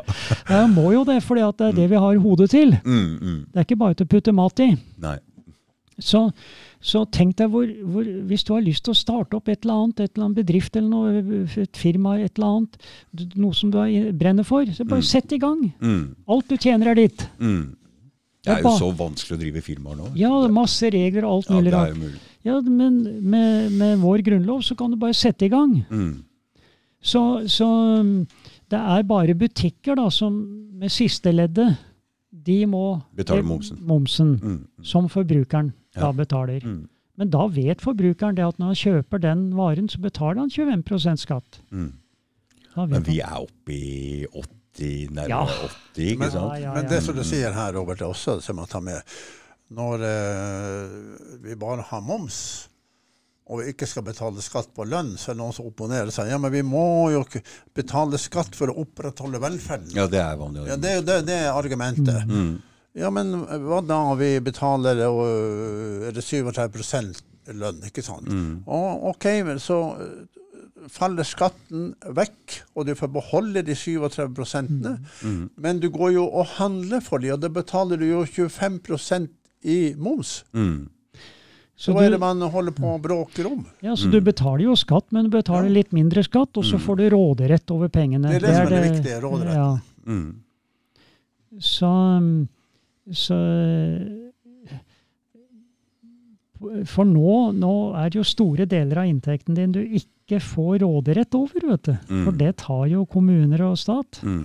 Og de penga vil jo bli brukt uh, allikevel, ikke sant? De blir brukt til noe, Ikke men eh, ikke til det du vil. Nei, men hvis du får lov å velge, så vil Ja, ja, den skatten går jo inn og blir brukt til samfunnsnyttige formål. Mm. Og når du da også kan kontrollere hvordan de pengene blir brukt, Mm. Mm. Det vil jo bli mer business. ja, og Ja. det, blir, det blir motiverende å sette i gang. Mm. Man kan tenke Og- på alle disse milliardene som går ut. Hvor, hvor, hvor, i all verden eh, Hvis jeg hadde sluttet med det der, hva hadde vi egentlig behøvd å betale i skatt da? Mm. Mm. Ja. Mm. Men det er ingen som regner på. Jeg vet at det gikk ut det ene på 55 milliarder til eh, IMF. Det andre som gikk ut, som jeg husker var store beløp, det var tilsvarende ca. 55 milliarder til Regnskogfondet. Og så gikk det en tredje sted som jeg ikke husker. Og så kan man sitte og sende ut så masse milliarder Mm, mm, ut av mm, landet mm. uten at det stortingsbehandles. Mm. Man må begynne å spørre kongen hva er det han holder på med. Mm. For det er han som er sjefen. Ja, Det er han som har makten. Stortinget har ingen makt. og det her må man repetere og repetere, og repetere, for det er sant. Mm. Og når, man, når, når disse pengene går ut av landet til et eller annet Mm. som vi ikke vet hva er, Mm. hvor mye kommer tilbake til den som har stått for denne utbetalingen? Ja, det er det er noe som godt. heter payback, vet du. Det er et godt spørsmål. Ja, for hvis han ut med 55 milliarder til et regnskogsfond, og så er det folk der han har snakket med på forhånd, og så får han kanskje noen milliarder tilbake på en hemmelig konto, Mm. og vi har ikke noe kontroll med det. Så det, da kan det lønne seg for en statsminister å gi bort uh, og være veldig snill, da. Mm. Mm. Hva vet vi hva disse Nei, vi vet- pengene nei, vi Det, vet finnes jo ingen redevisning for hva IMF har brukt disse pengene til. nei, vi vet Mm. ikke. Vet ingenting. Nei. Så, så det er det, den siden av saken. Men akkurat dette her med skatten, og det er veldig viktig, for det, da- det blir jo så artig å jobbe. Mm. Mm. Du får jo beholde alt, du kan bestemme alt sjøl. Mm. Sett i gang, og du behøver ikke å ha noe regnskap. Det blir mindre utgifter for det offentlige til å kontrollere deg også. Mm. For du behøver ikke å levere inn noe Du selvangivelse. slipper alle å jobbe i stat og kommune. Ja, da kan du, da kan du opprette private bedrifter som er lønnsomme og samfunnsnyttige. Mm. Og da kan mye begynne å lønne seg. Vi er nødt til å få bygd ned det stats, eh, Ja, statsmakta der. Altså, som bare Ja, for den er som en klam, vokser, klam hånd. De jobber ikke sjøl, ikke det? nei, den kveler oss. Ja, de Den- den lager ikke noe produktivt og bare Nei. legger som en slags parasitt. Ja, Den forsvinner gjennom denne. Mm. Forsvinner. Vi folk er den høyeste myndighet. Mm. Nei, så det er så mange ting sånn, så, så Vi har jo også skrevet det at folket skal velge dommerne også. Mm. Og dommerne til Høyesterett. Og da må man foreslå dem til valg. Ja, For det her er det Ja. noe greier som han, Hans Eirik prata om her òg. At Ja. uh, han kaller det for det todelte rettssystemet. Han, hvor det er noen dommere som er inne i the know. Mm. Som blir valgt ut til sånne og sånne saker. hvor de... Akkurat. Så det er jo Triksing og ja, det er noe kameratskap Ja. eh, og noe Men det vil det, bli, det vil det da bli slutt på hvis folket velger disse dommerne. Tror du dette systemet har holdt seg helt siden danskekongen? Eh, at det er en sånn elite her i Norge som helt siden danskekongen eh, har eh, hatt en slags posisjon og makt gjennom hele svenskeperioden, og så kom ut igjen med den grunnloven, og at disse folka sitter ennå og styrer Ja, med et slags hemmelig brorskap? Absolutt. Ja. Vi hadde en journalist som heter Per Aslak Ertresvå. Han lever ennå. Ja, ja, Han skrev, ja, han skrev en bok med en veldig bra tittel. Makten heter bak makten. Makten bak makten. ja, jeg har lest den. Og ingen skal betvile at det sitter folk på bakrommet til kongen når han sitter i kongen i statsråd. For det er bare skuespill. De som styrer landet, de sitter Og jeg, jeg er ikke redd for å nevne frimureriet. Nei. For dette er frimureriet. Det er gjennomgripende i hele samfunnet. Og du ser også frimureriets symboler overalt. På politiuniformen, på ambulansen og alt sammen. Dette sjakkbrettmønsteret. Det er frimurersymboler. Mm. Så, og da har disse søylene. Mm. Søylen, enesøylen som symboliserer kong, makta til kongen, som eier alt. Og så den andre søylen som symboliserer presteskapet, som kontrollerer lover og, og, og religion og, og pengesystemet. Mm. Så med dette her, og så har du den buen over, som symboliserer himmelen, da. Og med Gud, som, og det er paven. Mm. Han er liksom guden i deres system her, Mm. på jorda. Han er vicar of Christ. Mm. Ja.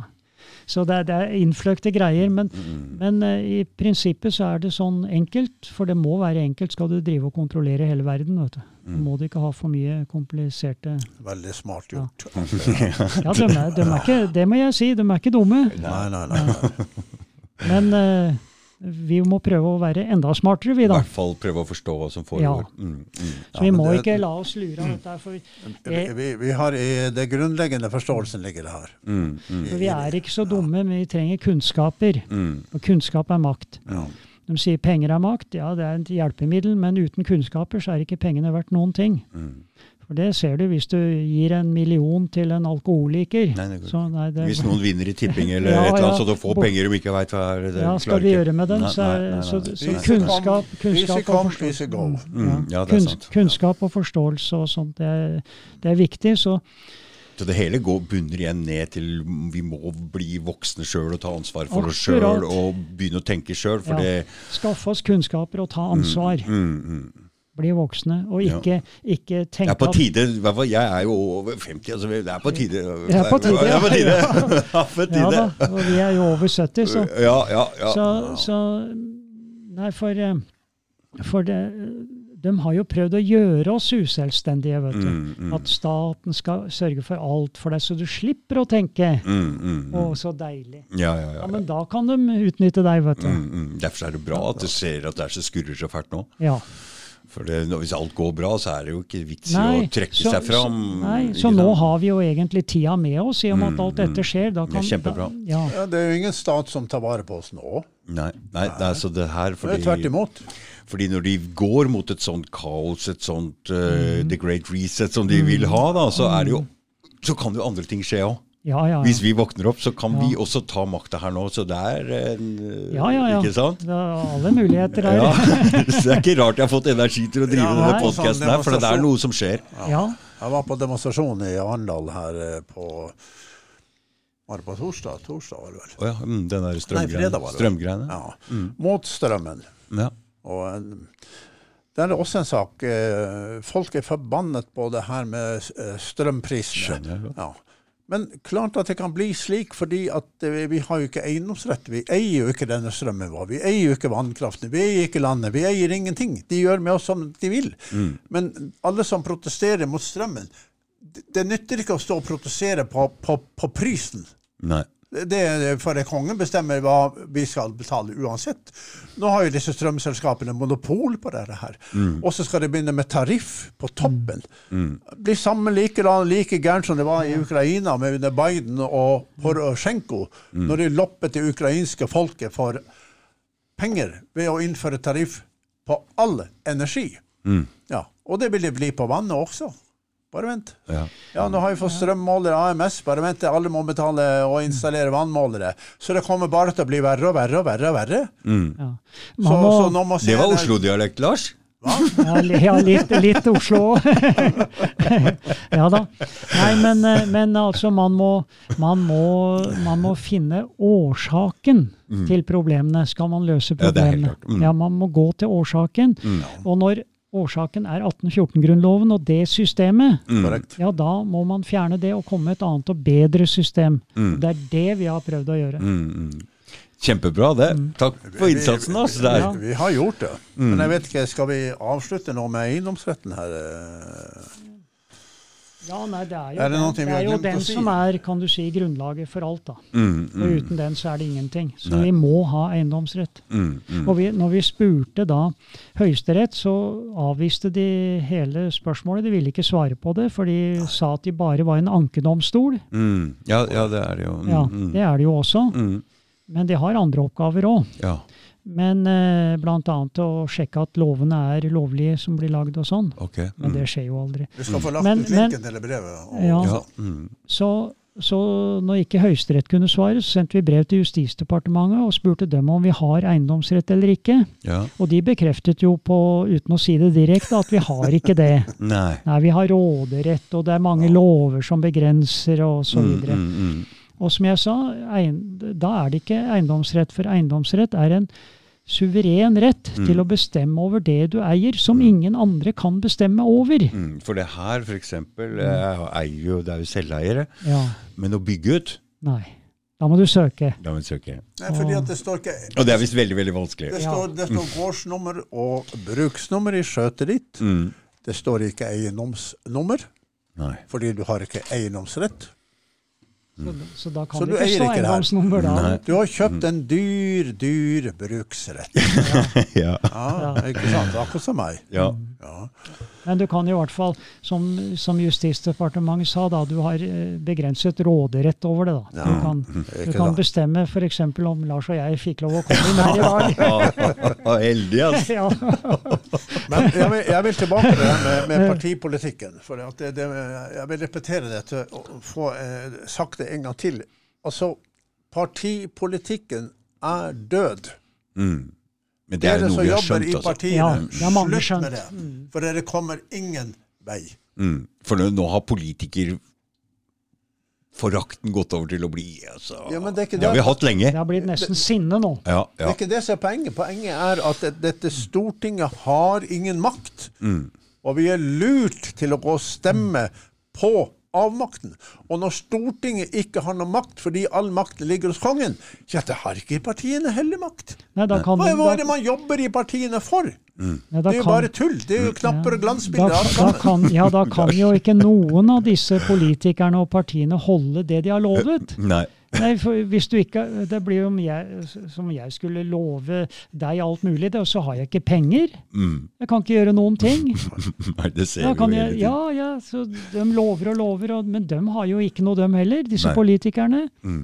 Og når de kommer på Stortinget, så finner de ut at de har ikke noe makt heller. Mm. Og da sitter de og krangler med, med hverandre uten å ha Ja, makt. bare- Det er jo teater. Det, det, er, jo, det er jo organisert Du like riksteater. gjerne, de Politisk bare riksteater. de ja, du kunne like gjerne sitte i ei sandkasse med småunger. ja ja, men da har vi vel kommet til veis ende. Da har vi fått vært igjennom Ja, det meste her. igjennom, ja. Så vi får si mange takk for at vi Ja, det var kjempekult at dere kom. Ja, Takk skal dere dere si. ha. uh, at, Nei, det må jeg si. Ikke til Denne Ja. podkasten her, den, den, den er virkelig flott. Altså. Du har masse flotte programmer. Takk skal du ha, Lars. Nå Greit. har vi jo nesten fått satt navn på den nå. Ja, ja. Greit. Ok, takk skal du ha. Takk skal du ha. Ja. Ha det. Hei, hei. Ha det.